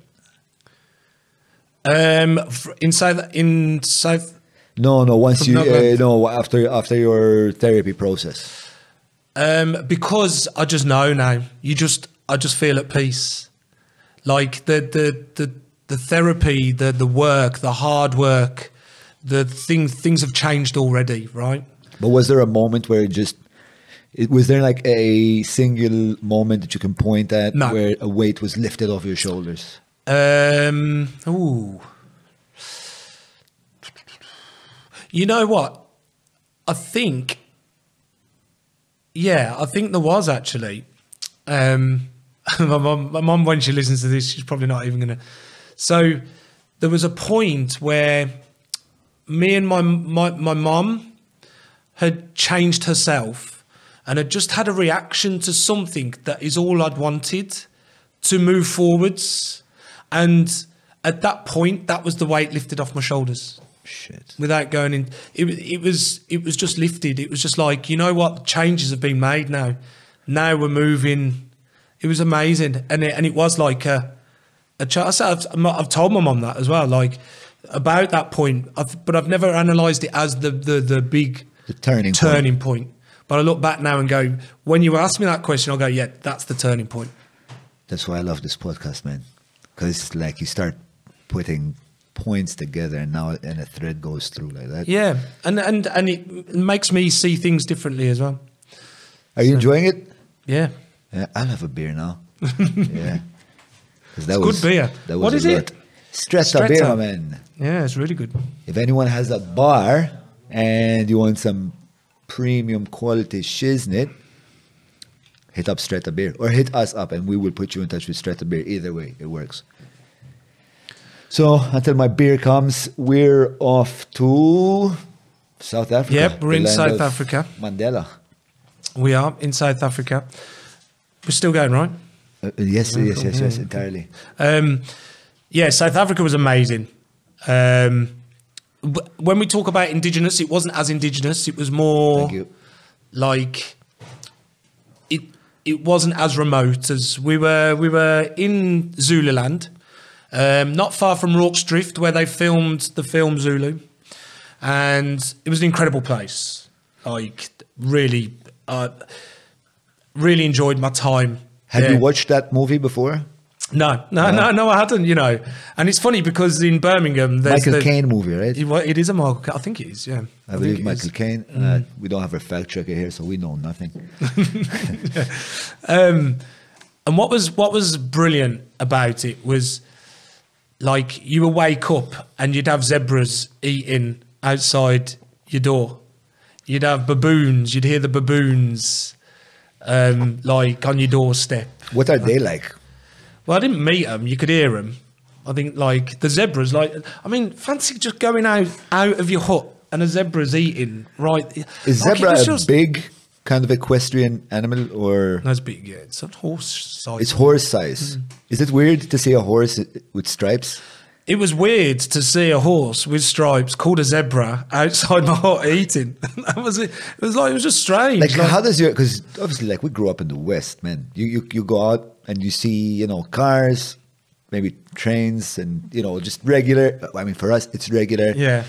you know and then all of a sudden you open a door and you're seeing a wild animal like how does your brain configure that does your brain realize like tell you dude you're from the west you don't this doesn't match up something system error I'll tell you exactly what the brain said. The brain said, shit, there's a fucking zebra on my doorstep eating. That's exactly what my brain was like. Whoa, this is actually like fucking unbelievable, you know? And what was like, I'm going to be quite. and you thought it was great Yeah, it was amazing. And what was like? I'll tell you one, one, one moment, and I, it's a shout. I've got it on my own, my own diary. Was there was a moment and there was a storm, okay and a storm was coming over the the, the plains where you have like the animals grazing and the and the mountains in the background, the hills, and this storm was epic. And there was a moment where me and all of the tribesmen was sat outside and they were doing, you know, they're like tribal singing. And the and we were sat there and the storm, the lightning was going off and they were doing the tribal singing, no instruments, just pure tribal singing. And we were all sat there outside the hut and it was just like that was spiritual. Like that was just at that moment I felt like this is Africa. Like it was just oh, it was a breath breathtaking experience because you can have it all made up for you, but this was I was with the local people, Right. with the tribemen, Yeah. and they felt at this point we're gonna just sing a tribe song. And it just went on, and it was like you know, like the Black Mambazo band that used to do the. You might not have had it here in Malta, but they released albums black mambazo yeah, No. they released that. They released albums of tribal music, and Okay. and it was exactly it was exactly like that. Um, yeah, they they brought out albums and were selling albums worldwide, globally, um, and it, it was just like that. And and uh, the, with the lightning and the just uh, it was just oh, it was like sublime. I can't I, words can't I, I can't explain that one. Like I was so special. It was such a special moment. Actually, quite moving. yeah Like I sometimes even now I- I things think line about up it, and it's just like a perfect it was a perfect storm. Like literally a perfect storm. experience yeah Like it was just amazing. I was felt so lucky. Like that that was one of the moments I just felt really really lucky for the experience. and was it like also a moment of communion with the rest of the group Yeah, one hundred percent. You felt like, although we weren't accepted, you felt accepted. I think we were accepted once. So we were we would work with them on the fields, and South Africa is is like they're not used to seeing white men working with them in their fields, and they loved it. They were laughing at us, everything. But you know what? They they would work with us, and it was like a real bonding with them. Just to be working with them on the fields, they were like, "What? What are you doing? And this is our job." Not. It was really like not right. Yeah. You know, but because they actually, obviously were used to apartheid yeah, exactly that. so for them to be saying you labor away yeah, and we were happy to do it. Right, we were happy to do it, and that was a that was a moment. Going to the toilet was incredible. Um, out there, I mean, we're, we're going to get onto the stick fighting in a minute, which is the scariest. Like, but going to the toilet, there was no toilets, but you would be sitting there in the bush, looking over the the the plains with the sunset. It was the most amazing view, poo with a view. Like it was just like just the moments, like them just random moments that you're never gonna have here. Like you're not gonna have that moment ever in Malta. Well, well, you might do, but but it's gonna be rare, right? Just incredible. Yeah. Jesus. So in the meantime, it, you you also said they didn't like greet you very well. These people. Um, no, they greeted us with their stick fighting, and this was the thing. The moment we got into the tribe, they were stick fighting, and the guy had his head split right open. Okay, with that's the, sticks. first thing that you saw First when thing you we got saw. there. First thing we saw when we got there, So obviously we're looking at each other going, fuck, like, excuse my language. I'm sorry, mum. Um, like, this is like we're in we're in trouble. Like here. You just seen him. You get the hit because it was a proper solid hardwood stick. Right. Um, about a foot f- just more than a foot. What, what is them? Well, I think they look more like two feet. Yeah, that, I mean, it's about yeah, a foot and a half maybe, but it's hardwood, and there's a lip, a sharp. They create them with a sharp lip, so if you get hit with them, I've still got one at home. I've still got my shield and my my stick at home. You get with were them. those given to you as prizes for winning? no, that's what we had to use to fight with. Yes, yes, I understand. But were you allowed to take it because We were allowed to take everything we used back home every every time you because it was made for us. right? Okay, Mm. okay. So you get into this uh, village. Stick the- the stick fighting. The, this guy's got his head. right o- and I mean right open, like pff, blood everywhere. You see that on the, the footage. What's uh, what's the medical uh, situation there? Like if you get your head split open, what's happening? Well, that's what you, I don't know. You, you're not close to. You know what they did? They got a piece of mud and they shoved it in the. exactly what I thought that answer was going to be. That's what they actually did do. That's mad. That was the thing. They picked up the mud off the floor and he literally just went on his head, right in the the, the gash. I, I'm not laughing because they, they do that in Malta as well. I don't know if you know that. Like when when they do uh, like these builders, like sometimes you see them like they tear like their calf or something open, and they just take dust and it's just like It's exactly like that. pat it down and they go work for the they're tough man fucking tough and then obviously they go take it get it taken care of Yeah. once the day is done but Yeah, they, they've the got day. nowhere to, to get. To, they ain't got no way of getting to us. also he never they? stitches it up No, no, no. no, they just so leave he's left with like this massive gash for the So- rest of his life so yeah, so the so our host, my trainer that I was living with, he had literally a hole in his head, like where he'd been hit previously. So the idea of the stick fight, the stick fight in there is done between rival tribes, and again, it's done at royal weddings. If there's a wedding, then the tribes will come together just to solve conflict through stick fighting rather than big wars. That's what they would do. That right and it was scary stuff because they were drunk they were all out that was the scary thing for us like it's all very well us going in so we had an evacu we had an evacuation cars we had four cars each labeled if it got out of hand and it just went into this mass we we would have to be evacuated to a specific car. The car would get us out. Like this one was this was this protocol for every place that you went? No for this one. For this one. Because it was what made this uh, more dangerous because they were drinking alcohol. There was and there was like real rivalries yeah, going yeah, on there? Yeah, yeah. okay. And of course, we're we're like white men taking part in Zulu stick fighting as well. You don't know how that's going to be received. Right. You don't know what they're going to do. Presumably like the BBC is checking before, no? Like if Well, there's like- like, a prevalent sense Yeah. of xenophobia, for But if, example. but if this but if this one, uh, but where alcohol's concerned, you don't know what's going to happen, do you? yeah. Like th- th- there's an uncontrollable element to it, Yeah. which is why whenever you do a risk assessment, you assess the risk and you put things in place to minimise the risk. You don't always stop it, do you? Yeah, yeah. Like if we did that, we'd never do anything, would we? So so that was the one time that you needed a protocol. Yeah. Okay, so you get to the so was there what like a royal wedding or was this we only were, happening? No, we were at a royal wedding. Okay. We were we went to a royal wedding. It was crazy. when you saw a royal wedding, When, like we're not talking. We're talking tribe royal. right? Like it's not like the queen royal. okay, Our queen, for example. so it's like like a, a remnant of the colonial past. Yeah, it's yeah. more, uh, yeah, well, more tribal, yeah. yeah. So is it a case of like there is a royal family that kind of rules over Over a, a number tribe, of yeah. tribes? Oh, good question. I don't know the answer to that. Possibly. Or maybe it was. I think. I think if I'm going back because it's a long time ago. I think there was the daughter of one marrying the son of the other, and I think it was a coming together of of Of two tribes. Two tribes, yeah. and, and there was beef between the two tribes. Well, there was beef between everyone. Like it was crazy. It was crazy. I'm not. I'm not being. It was. It was scary. okay, tell us tell us more about It that. was scary. Um, because they were all drinking and and I remember I remember it vividly. So this was the fight or flight. Remember when we talked about me really learning what fight or flight was?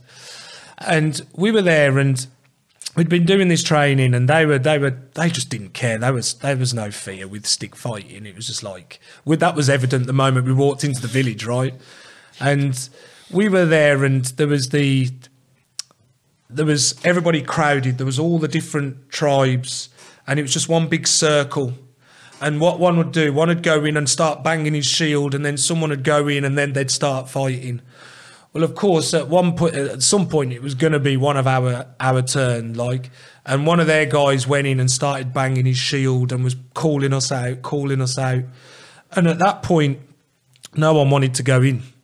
Like no one wanted to go no one wanted to go in. Everybody was was scared like no one wanted to go in and i don't know what I, like this was so out of character like i thought was so out of character for me.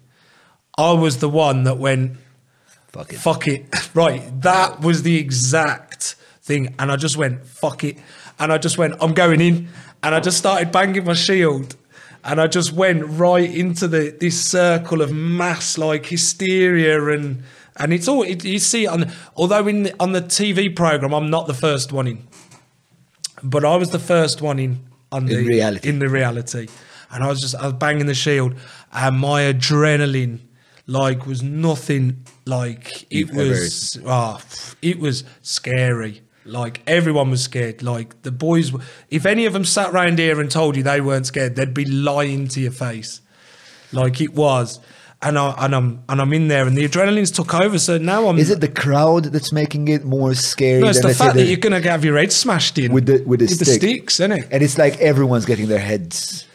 Not everyone. Like the, the, there was there was a lot of head Getting- splitting. yeah, there was, but not, not every not everyone. Okay. Like you would go in, and then if they'd seen that they had enough, one would back out, and then the referee. The, the, the makeshift referee would come in and send everyone away. That was what pretty much happened to mine. So my first fight, because I didn't just have one fight. My first fight, I went in and I, I was just like, because I was pretty decent at it anyway. I was quite lucky. I, I took to this to this one, and I was just literally whacking, defending, whacking, defending, whacking, defending, and I just kept going to a point where then he just stopped and then he just backed out of the ring. So I was able to win that one, and I got out of that without Anyone And- really getting hurt? without anyone getting hurt. So then what happened after that one then then it, the others felt that they could then so then it triggered everyone else to go in. All the rest of the people from the show. Yeah. All bar like one, all bar one. Went in. Yeah. Okay. Yeah, that was it was crazy. And I won that one. So um, I was quite proud of So that was your moment. first. How was the second one like? The second one, um, I kick, I hit the stick out of his hand, so he was then again like it was, and then I've managed to hit the stick, and he's this, and once his stick went out of his hand, he's unarmed.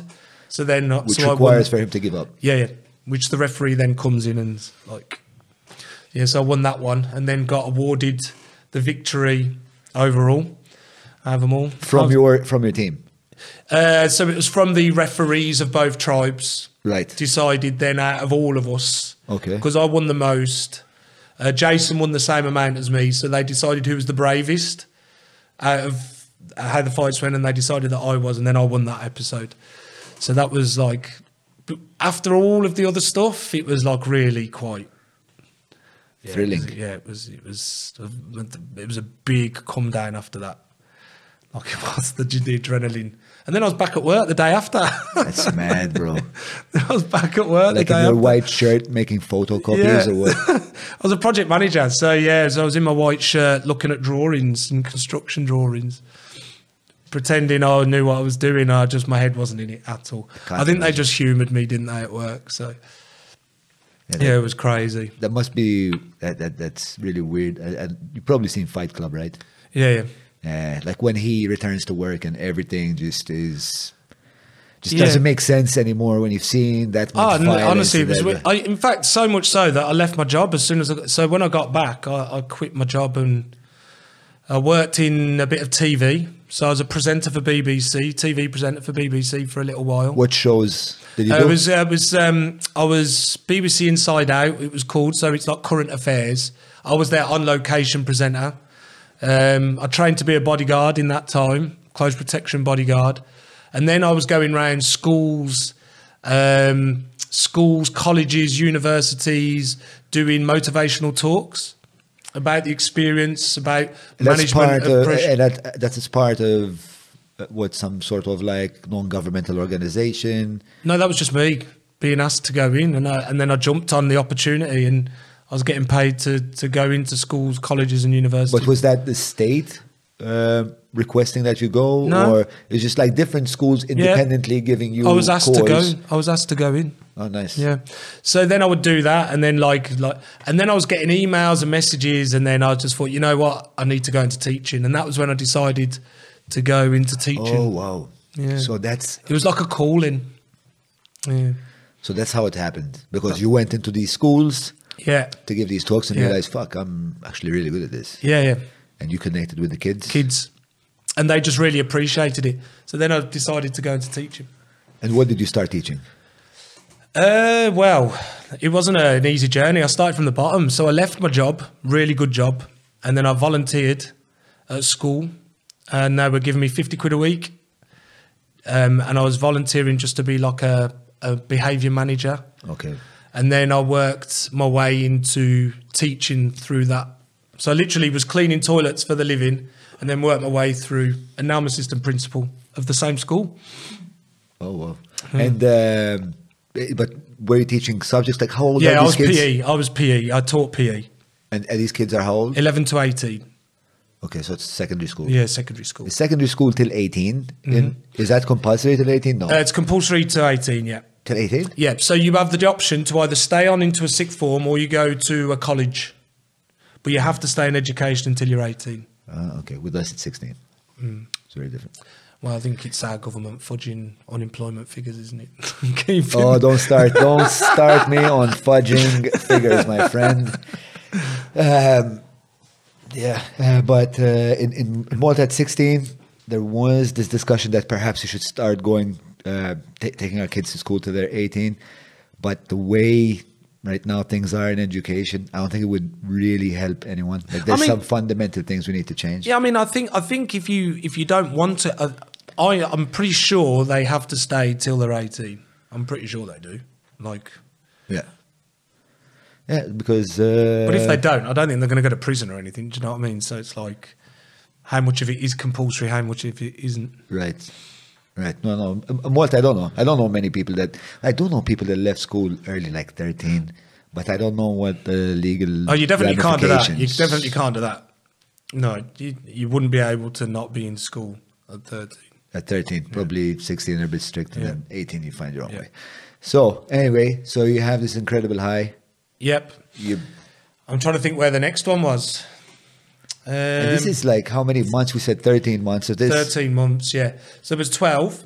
What was interesting was we filmed eight for the British season for the series, and the extra four was the for the American series. So actually, in England, they only got to see eight, Right. whereas the Discovery Channel Americas, which is USA, Central America, South America, they got to see the extra four. And was it a case of like the story continues past the Yeah, eight? yeah, yeah, exactly that. Oh, okay. Yeah. The story continues, but there were four really good ones as well. So it was the what was it? It was um, uh, Peru in the the mountains, five thousand four hundred meters. We had to race with a block of ice from the glaciers a mile down the mountain. That was a crazy experience. Uh, we went back to Brazil, um, back to the Amazon to do log running. We went to Indonesia to do the ancient martial art of Pencak Silat. So it's like um, so Pencak Pencak Silat, uh, Pencak. So it's P E N C A K Silat, S I L H A T. Um, that's their ancient martial art, and it's like um, that was crazy. That was another one for me. That was that was like I was in my element there. So it was like a Shaolin training camp, Right. For for Pencak Silat in the mountains of Indonesia on Java. Oh, it was it was crazy. And it was like the- a what- scene out of Karate Kid. The end was it was unbelievable. Yeah, it was unbelievable. What's the challenge? The challenge is, an, is another fight. arts. Yeah, fighting again. Yeah, penchats still up. Yeah, and then the Which which out of these fighting styles that you tried uh, do you feel are the most uh, like useful? Um, Pencak Silat, I think, was the most useful. Any wrestling's good as well, though. But I think Pencak Silat was the most useful. Did you pursue any of these martial arts that you, you know, No, you no, no. But for me, my martial arts days, once I'd finished this, I'd relaxed a little bit after that. I thought I've done enough competition now. Um, and then the very last episode was in Vanuatu, where that one was my life went before my eyes in Vanuatu. Tell us all about Vanuatu. Do you want me to tell you about Vanuatu? So we were there. It's a desert island, Vanuatu, South Pacific, in between Australia and Fiji. Group of islands, proper desert islands as well. Like literally a, a, a round circle of sand, like really like proper. Oh, it was, oh, it was amazing, right? It was proper out there. And the race was we had to. Was it like really hot though? Uh, yeah, they, I mean uh, South Pacific, isn't Yeah. it? Like so, so like uh, thirty there- degrees. Yeah, there's like no trees. around. 32 degrees. No, it's desert island. You've got your There palm trees some and palm stuff. trees, Yeah, okay. yeah. In fact, I want to. I want to come. Can I come back to that one? Can I come back to this one? Sure. Because I want to talk about Papua New Guinea. Right. Yes, that was at the beginning. Right. We said so this is the last. So Papua New Guinea was number eight of the British series. Okay. Right. This was crazy as well. Like crazy. So the we're in the jungle again. We're with a proper tribe in the jungle. Um, indigenous tribe. I've got some amazing photos from this place. Like it is proper tribe tribal. And the sport was to we had to in a stand-up canoe, dug out tiny canoe. We had to race upstream that you could not even balance. I mean, forget a paddleboard, stand-up paddleboard. You're talking something like a quarter of the width of that, and it's a wooden, like hollow of a of a tree, and we had to stand up paddle upstream. Is that one person per boat? Yeah, per boat. Okay. We had to uphill paddle five kilometers upstream, which felt like 20 kilometers because you were against the current. Balance your canoe. We then had to stay over in the jungle in our own little jungle hut that we make, right? Show that we were men, and I've got a brilliant story of this one. Show that we were men, and then paddle paddle back. Alligator infested waters, right? The rivers are alligator infested. Like everything, everything could kill you in this, in this right? And um, I remember, so we had uh, one of our challenges was to um, stay the night on our own, away from everyone else in the jungle. We had to build our own hut. We had to like literally make our own things and stay there on our own.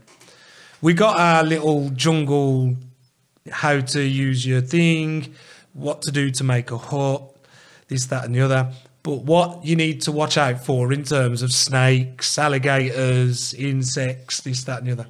So, of course, we get shown this picture of a, of a snake called a death adder. All right, I don't know whether you've heard of it. Yeah. Now, a death adder will sit in a coil and not move. Most snakes will run away from you. This snake just coils until you step on it. The moment you step on it, it's got you. So we get taught what to do, like, and I'm, I'm, we get tucked in the jungle, taken into the jungle. We're all, we can't see each other, we can't hear each other, we're nowhere near each other. I've started making my jungle hut on my own. I'm there, I'm cleaning, cleaning the floor because that's where I'm going to sleep. All right. So I'm clearing it at arm's length, doing what I'm told to do, you know, just in case. I get to my legs and I clear all the bushes from in between my legs. This is all on camera. Because when they come, they see where it is. There's a death adder curled up right between my legs. Now they told us if we are, if we get into any trouble, they said blow your whistle.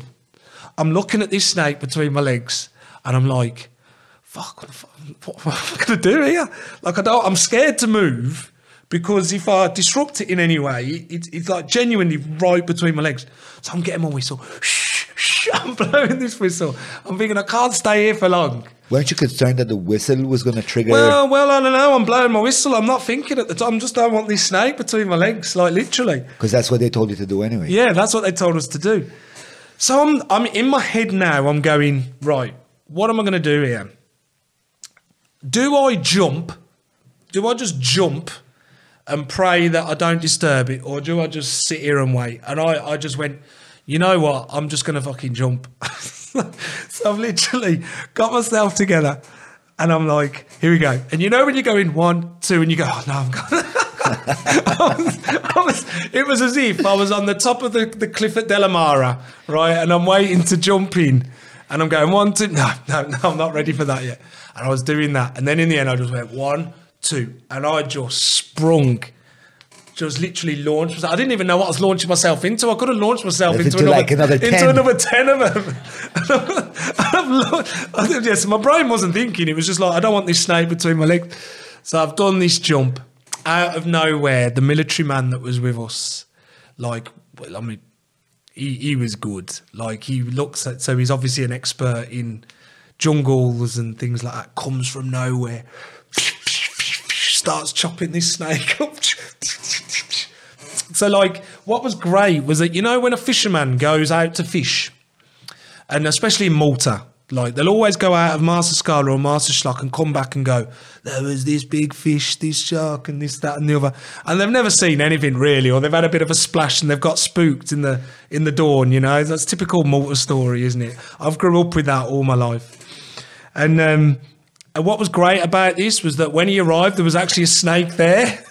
For the demonstration. I didn't- yeah, just to make it look. No, there was an actual snake here, and it was a death adder, and it was in between my legs, and it was like it was like unbelievable that was. And then I still had to stay there, so then I still had to like clean up my area, and and that was a really like we had to make our own fire, and we had to stay there the night and. And that was crazy. Like it was just you, you're lying there, and one of uh, one of the contestants, Jason, genuinely woke up with a tarantula on his face like literally woke up with it on his face. I was like, thank God that wasn't. I mean, I'm all right with stuff like that, but thank God that wasn't me. We were all like, thank God that was you. That that's Why is that? to- oh, because Jason don't care. Like, I mean, obviously, like, and also He's the crazy BMX the crazy guy. BMX one. Yeah, loved him. Um, But how do you go asleep again? How do you fall asleep again? you know that? what? Again, it was like you could hear rustling. You've set, I've lit my fire, like, and I, and you're lying there and you're hearing. You you just your senses just come alive and you're listening to everything that's going on. The noises, like, and there are alligators there. Like, there are those things around, and. I- don't know what you just. I slept like I genuinely slept. I I'm, I don't remember falling asleep, but it's just that moment of I'm in. I'm like literally just covered with a sheet of bushes on my head with the sticks. I've got a good picture of my actual little den that I made. Before you did all this, had I told you that you were going to experience all of what you're telling me, would you have thought that in this context you would have just simply fallen asleep? Nah, no. I thought I was. I thought I wasn't going to get. An, a, I didn't think I'd sleep at all. I, I can't, I can't no imagine sleep. what that's like. You know, you find a death adder where you're meant to be, like at your most vulnerable. When you're asleep, you have no idea what's going on. I think that's probably the good bit about like that. That you have that no you idea. have no, no idea of what's going on. Like an alligator could pass straight past me. Like I'm fast asleep. No, I'm not causing him it- a problem. Yeah, problem is if- if he just thinks, "Fuck it, I'm hungry," you know. Yeah, I'm asleep. Never crossed your mind. Fuck it. I'll be wake up being dragged into a bush when I. So you're part Maltese yes. Yep, I'm Uh, half Maltese. Maltese passport. from your mom's side. Yeah, yeah. What's the surname? Uh, Shikl- Scicluna. Scicluna. Like uh, the Archbishop is Scicluna. Yes. I think half of Malta is Shik- Scicluna, isn't Uh, they? mostly, mostly we're Borg, but we don't have. Do we have any Borg here? No, not really. Yeah. Borg, Azzopardi are the most prevalent, but Scicluna is yes. Many Yeah, people are there's lots of Scicluna. Scicluna woodworks out there, isn't there? Indeed, yeah. And we had a minister of finance who was Scicluna, and the Archbishop is. That's a lot of. Sciclunas, then, isn't it? Yeah. There is you're you're you're quite numerous. Yeah, and uh, but you, I see you post on Instagram. You have an aunt that's here that you go and visit. Yeah, I've got lo- lots of aunts, lots of um, yeah. All my family are here, like all of them. My sister lives here. Um, yeah, my like my cousins, like I said, the ones on licorice at the moment. Vote for Victor. I have to, he, he told he told me I had to put that in there. Like, That's uh, Yeah. perfectly permissible. That's okay. You've more than entertained us. I think you've earned the right to a to a little plug. We can give him the plug. Good luck. yep. So yeah, Maltese. I'll get here any any time I can now with the, the holidays, the school holidays. Yeah. So I love it here. I do love it here. I feel, I feel like I get the best of both. So how worlds. often are you here? Like you're here Every school holiday, so it's like every six to seven weeks. Okay. So every six to seven weeks, this is your go-to place. Yeah. And how long you know Mark? Um, not long, you know. When did I meet him for the first time? It wasn't long ago. We went climbing together. Um, last time I was last time I was here. Funny enough, it was only uh, twelve weeks ago.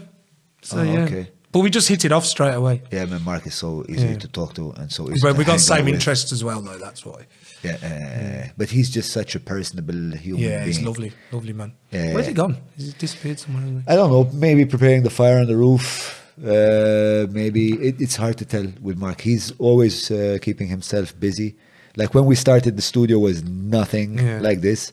But then, like every week, Mark would think of an upgrade that would make it better. uh, latest thing he got was like these. There's like he has one small box room behind that wall, and he figured out that if he gets infrared bulbs, he can turn that box room into a temporary sauna. Oh, nice, So now we're gonna have a nice, infrared sauna. That's Mark. perfect. And you guys went out, no? Uh, this morning. Yeah, we went on the paddle boards, kayaks. Did you morning. get to do that hundred uh, meter cave? Um, no, the swell was too much. But I did get burnt. Like you don't even want to see my arms. Like I've got like t-shirt, very good t-shirt lines. That's why I've had to cover myself. Look how bright, bright red. Very, very very, British. very British. very British. But to, to be fair, Mark was also very. Yeah, no, we got burnt. Yeah, got burnt. must have been a ferocious sun because uh, Mark is pretty dark. His his skin looks like it. You're pretty dark as well. You look. you Yeah, look no, fairly- no. This is my first exposure to sun in how long? I'm from. I live in England, right? It's been horrible winter. Yeah, you have like Maltese complexion. Yeah, yeah. Without the fucked up Maltese nose, No, but I have got the You get- Birmingham accent. which is uh, Although it's very plus. Peaky Blinders now, isn't it? It's Yeah, become, you guys are in It's become now. fashionable now with Peaky. Blinders. Yeah, yeah, it's Yeah. very big here. I watched the first two seasons. I don't know why I never continued. I Yeah. never continued the third. Very good. You guys like it?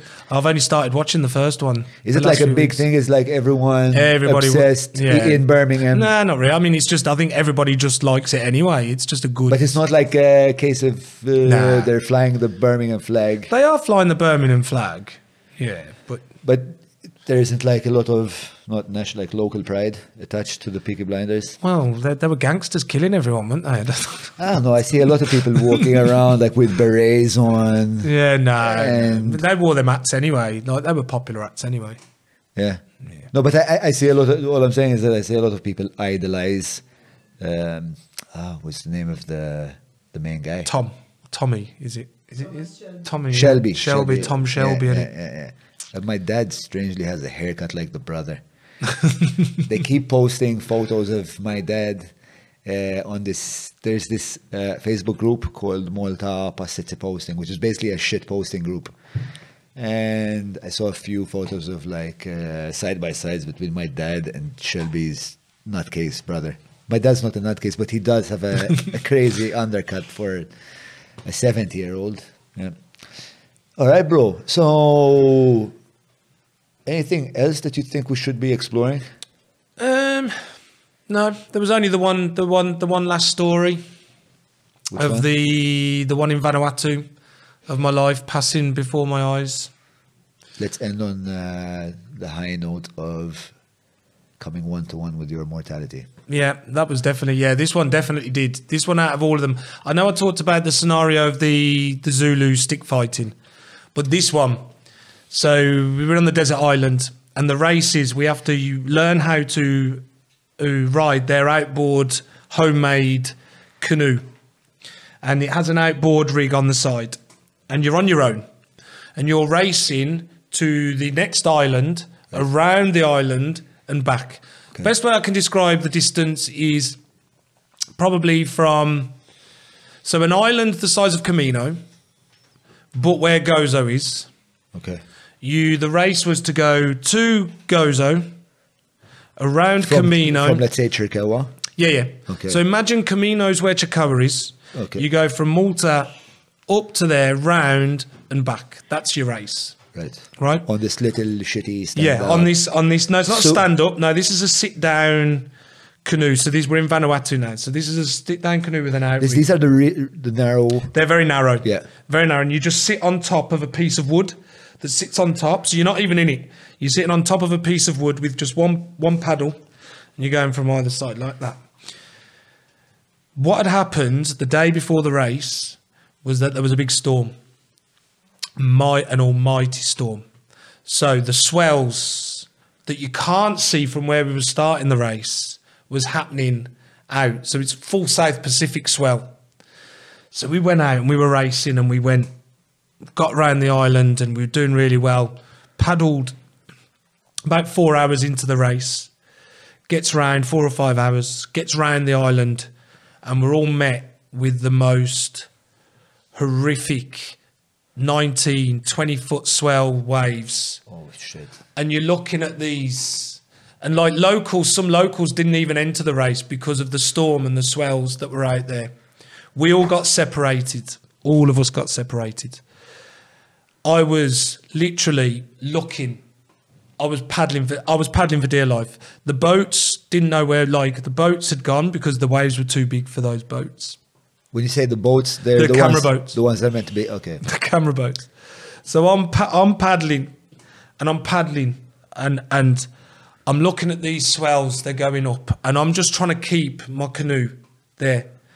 So I'm three, three, four hours, four maybe four hours into the race. I don't move for two hours. I'm paddling for two hours for dear life, like, and I'm not moving anywhere, and I'm crying because you're, you're exhausted and you're you know that if I go in because the, the waters are shark infested. In fact, when we were training, there was a guy with a shotgun on Shark Watch. Whenever we were doing the water in the water training bit where we were pulling, we're having to bring the boats back over, and these swells did the waves were that big, and the the reefs they were smashing on the reefs. And like I, I, I didn't know where anyone else was. I couldn't see anyone else. There was no boats. And I remember I'm crying and I'm just trying to paddle just to keep this thing straight so that it doesn't knock me over. Because if I'm going in, I'm not coming back out. Like genuinely, we, I weren't coming back out. And like I said, I was I was beat. I was beaten. And I'm just trying to keep this canoe going. And I'm and I'm still crying.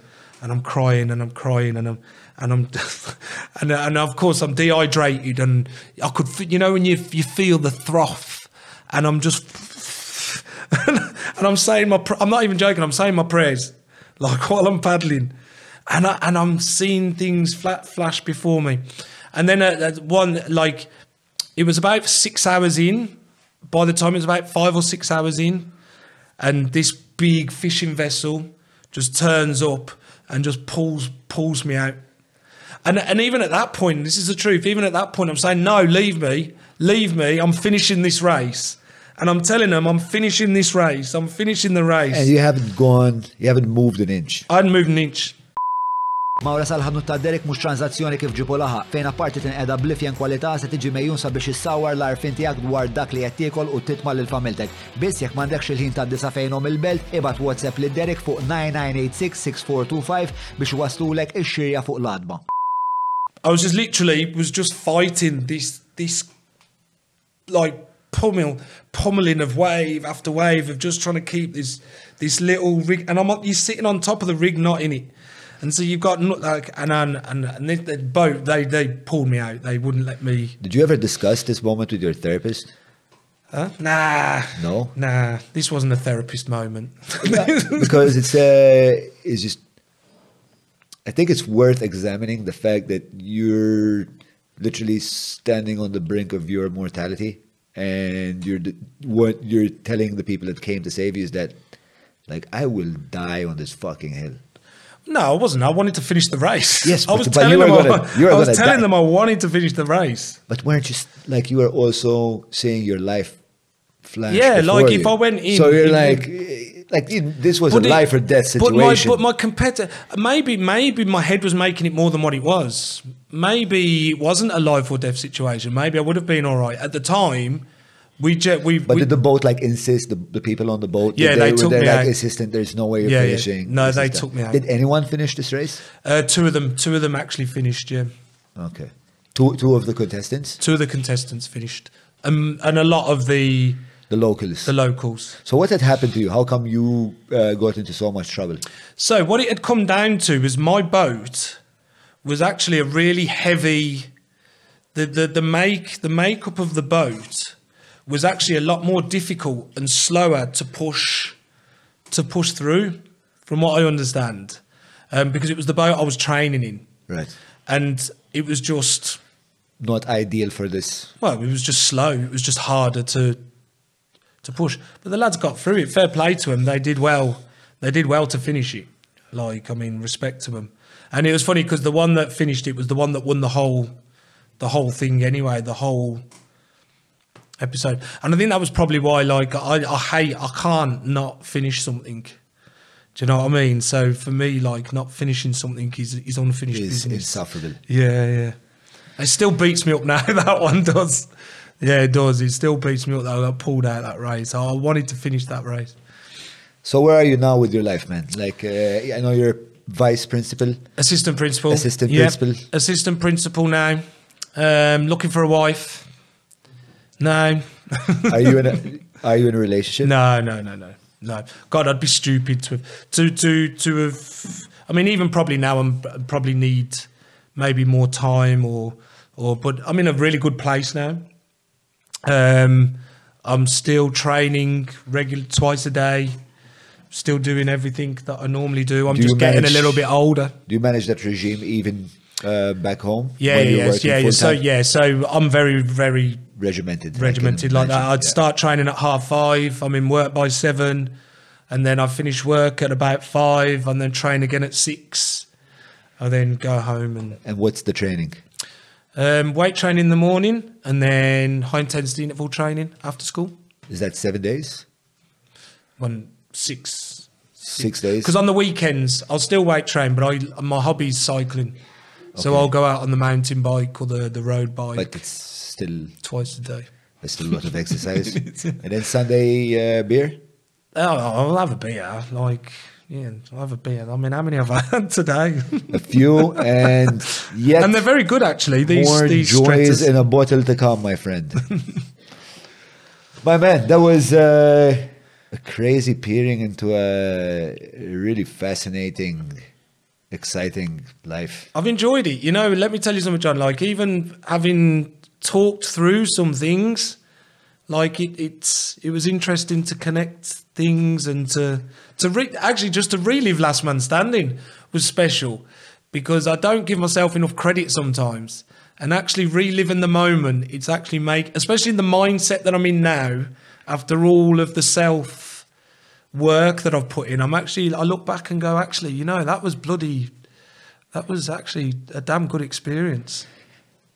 Uh, so, man, thank you so much for being around and for sharing all of that. Some of it was also very uh, personal and intimate, like when we got into your years of, you know, nursing your trauma. It was very kind of you to share. I appreciate that a lot, I think it's important people hear it. indeed.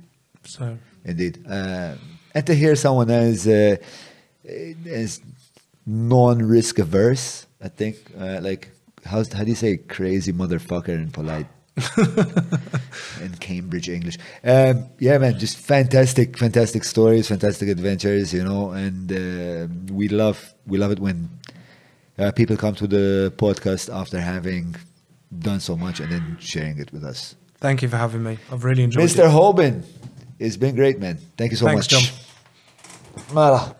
Before we close up, Adele, pull up les sponsors. Uh, first of all, uh.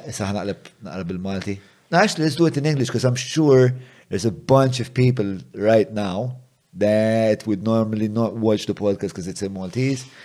So, I'd like to thank my beautiful, wonderful sponsors that make this uh, program, that make this whole project um, viable.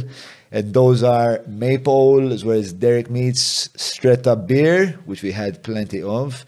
Uh, free Hour, Kutriko. Thank you to Garmin for my watch. Thank you to ECAB, State of CBD, Shoulder Compliance. Thank you to Agenda. I'd also like to thank uh, our amazing Patreon community that supports us in myriad ways. In fact, tonight there's a there's a couple of uh, Patreons running about out there. We'll go have a couple of drinks with them as well now. So if you want to join that family, that community, patreon.com forward slash Joe Mallia. It's actually the biggest, uh, most followed Patreon in the country. Like I, know it's a, it's it's like a thousand five hundred in the world or something like that, which is crazy because it's just like a fucking small local podcast from Malta. Um, also follow us on Facebook, Instagram, TikTok. Where can they follow you? Uh, only my Instagram at Adventure and Fitness. At Adventure and Fitness. Okay, editor, if you're watching this, It's just- without a D. Just write it down there. Adventure and Fitness. and yeah, I mean we'll make sure we have we have it correctly and, and we'll, we'll sound linked up. May I remind you, this podcast was also broadcast on Lovin Malta. Once again, Mr. Holbin, thank you so much. Guys, thank you, for following, thank you for supporting. Let's go uh, meet the Patreons, bro. Good night.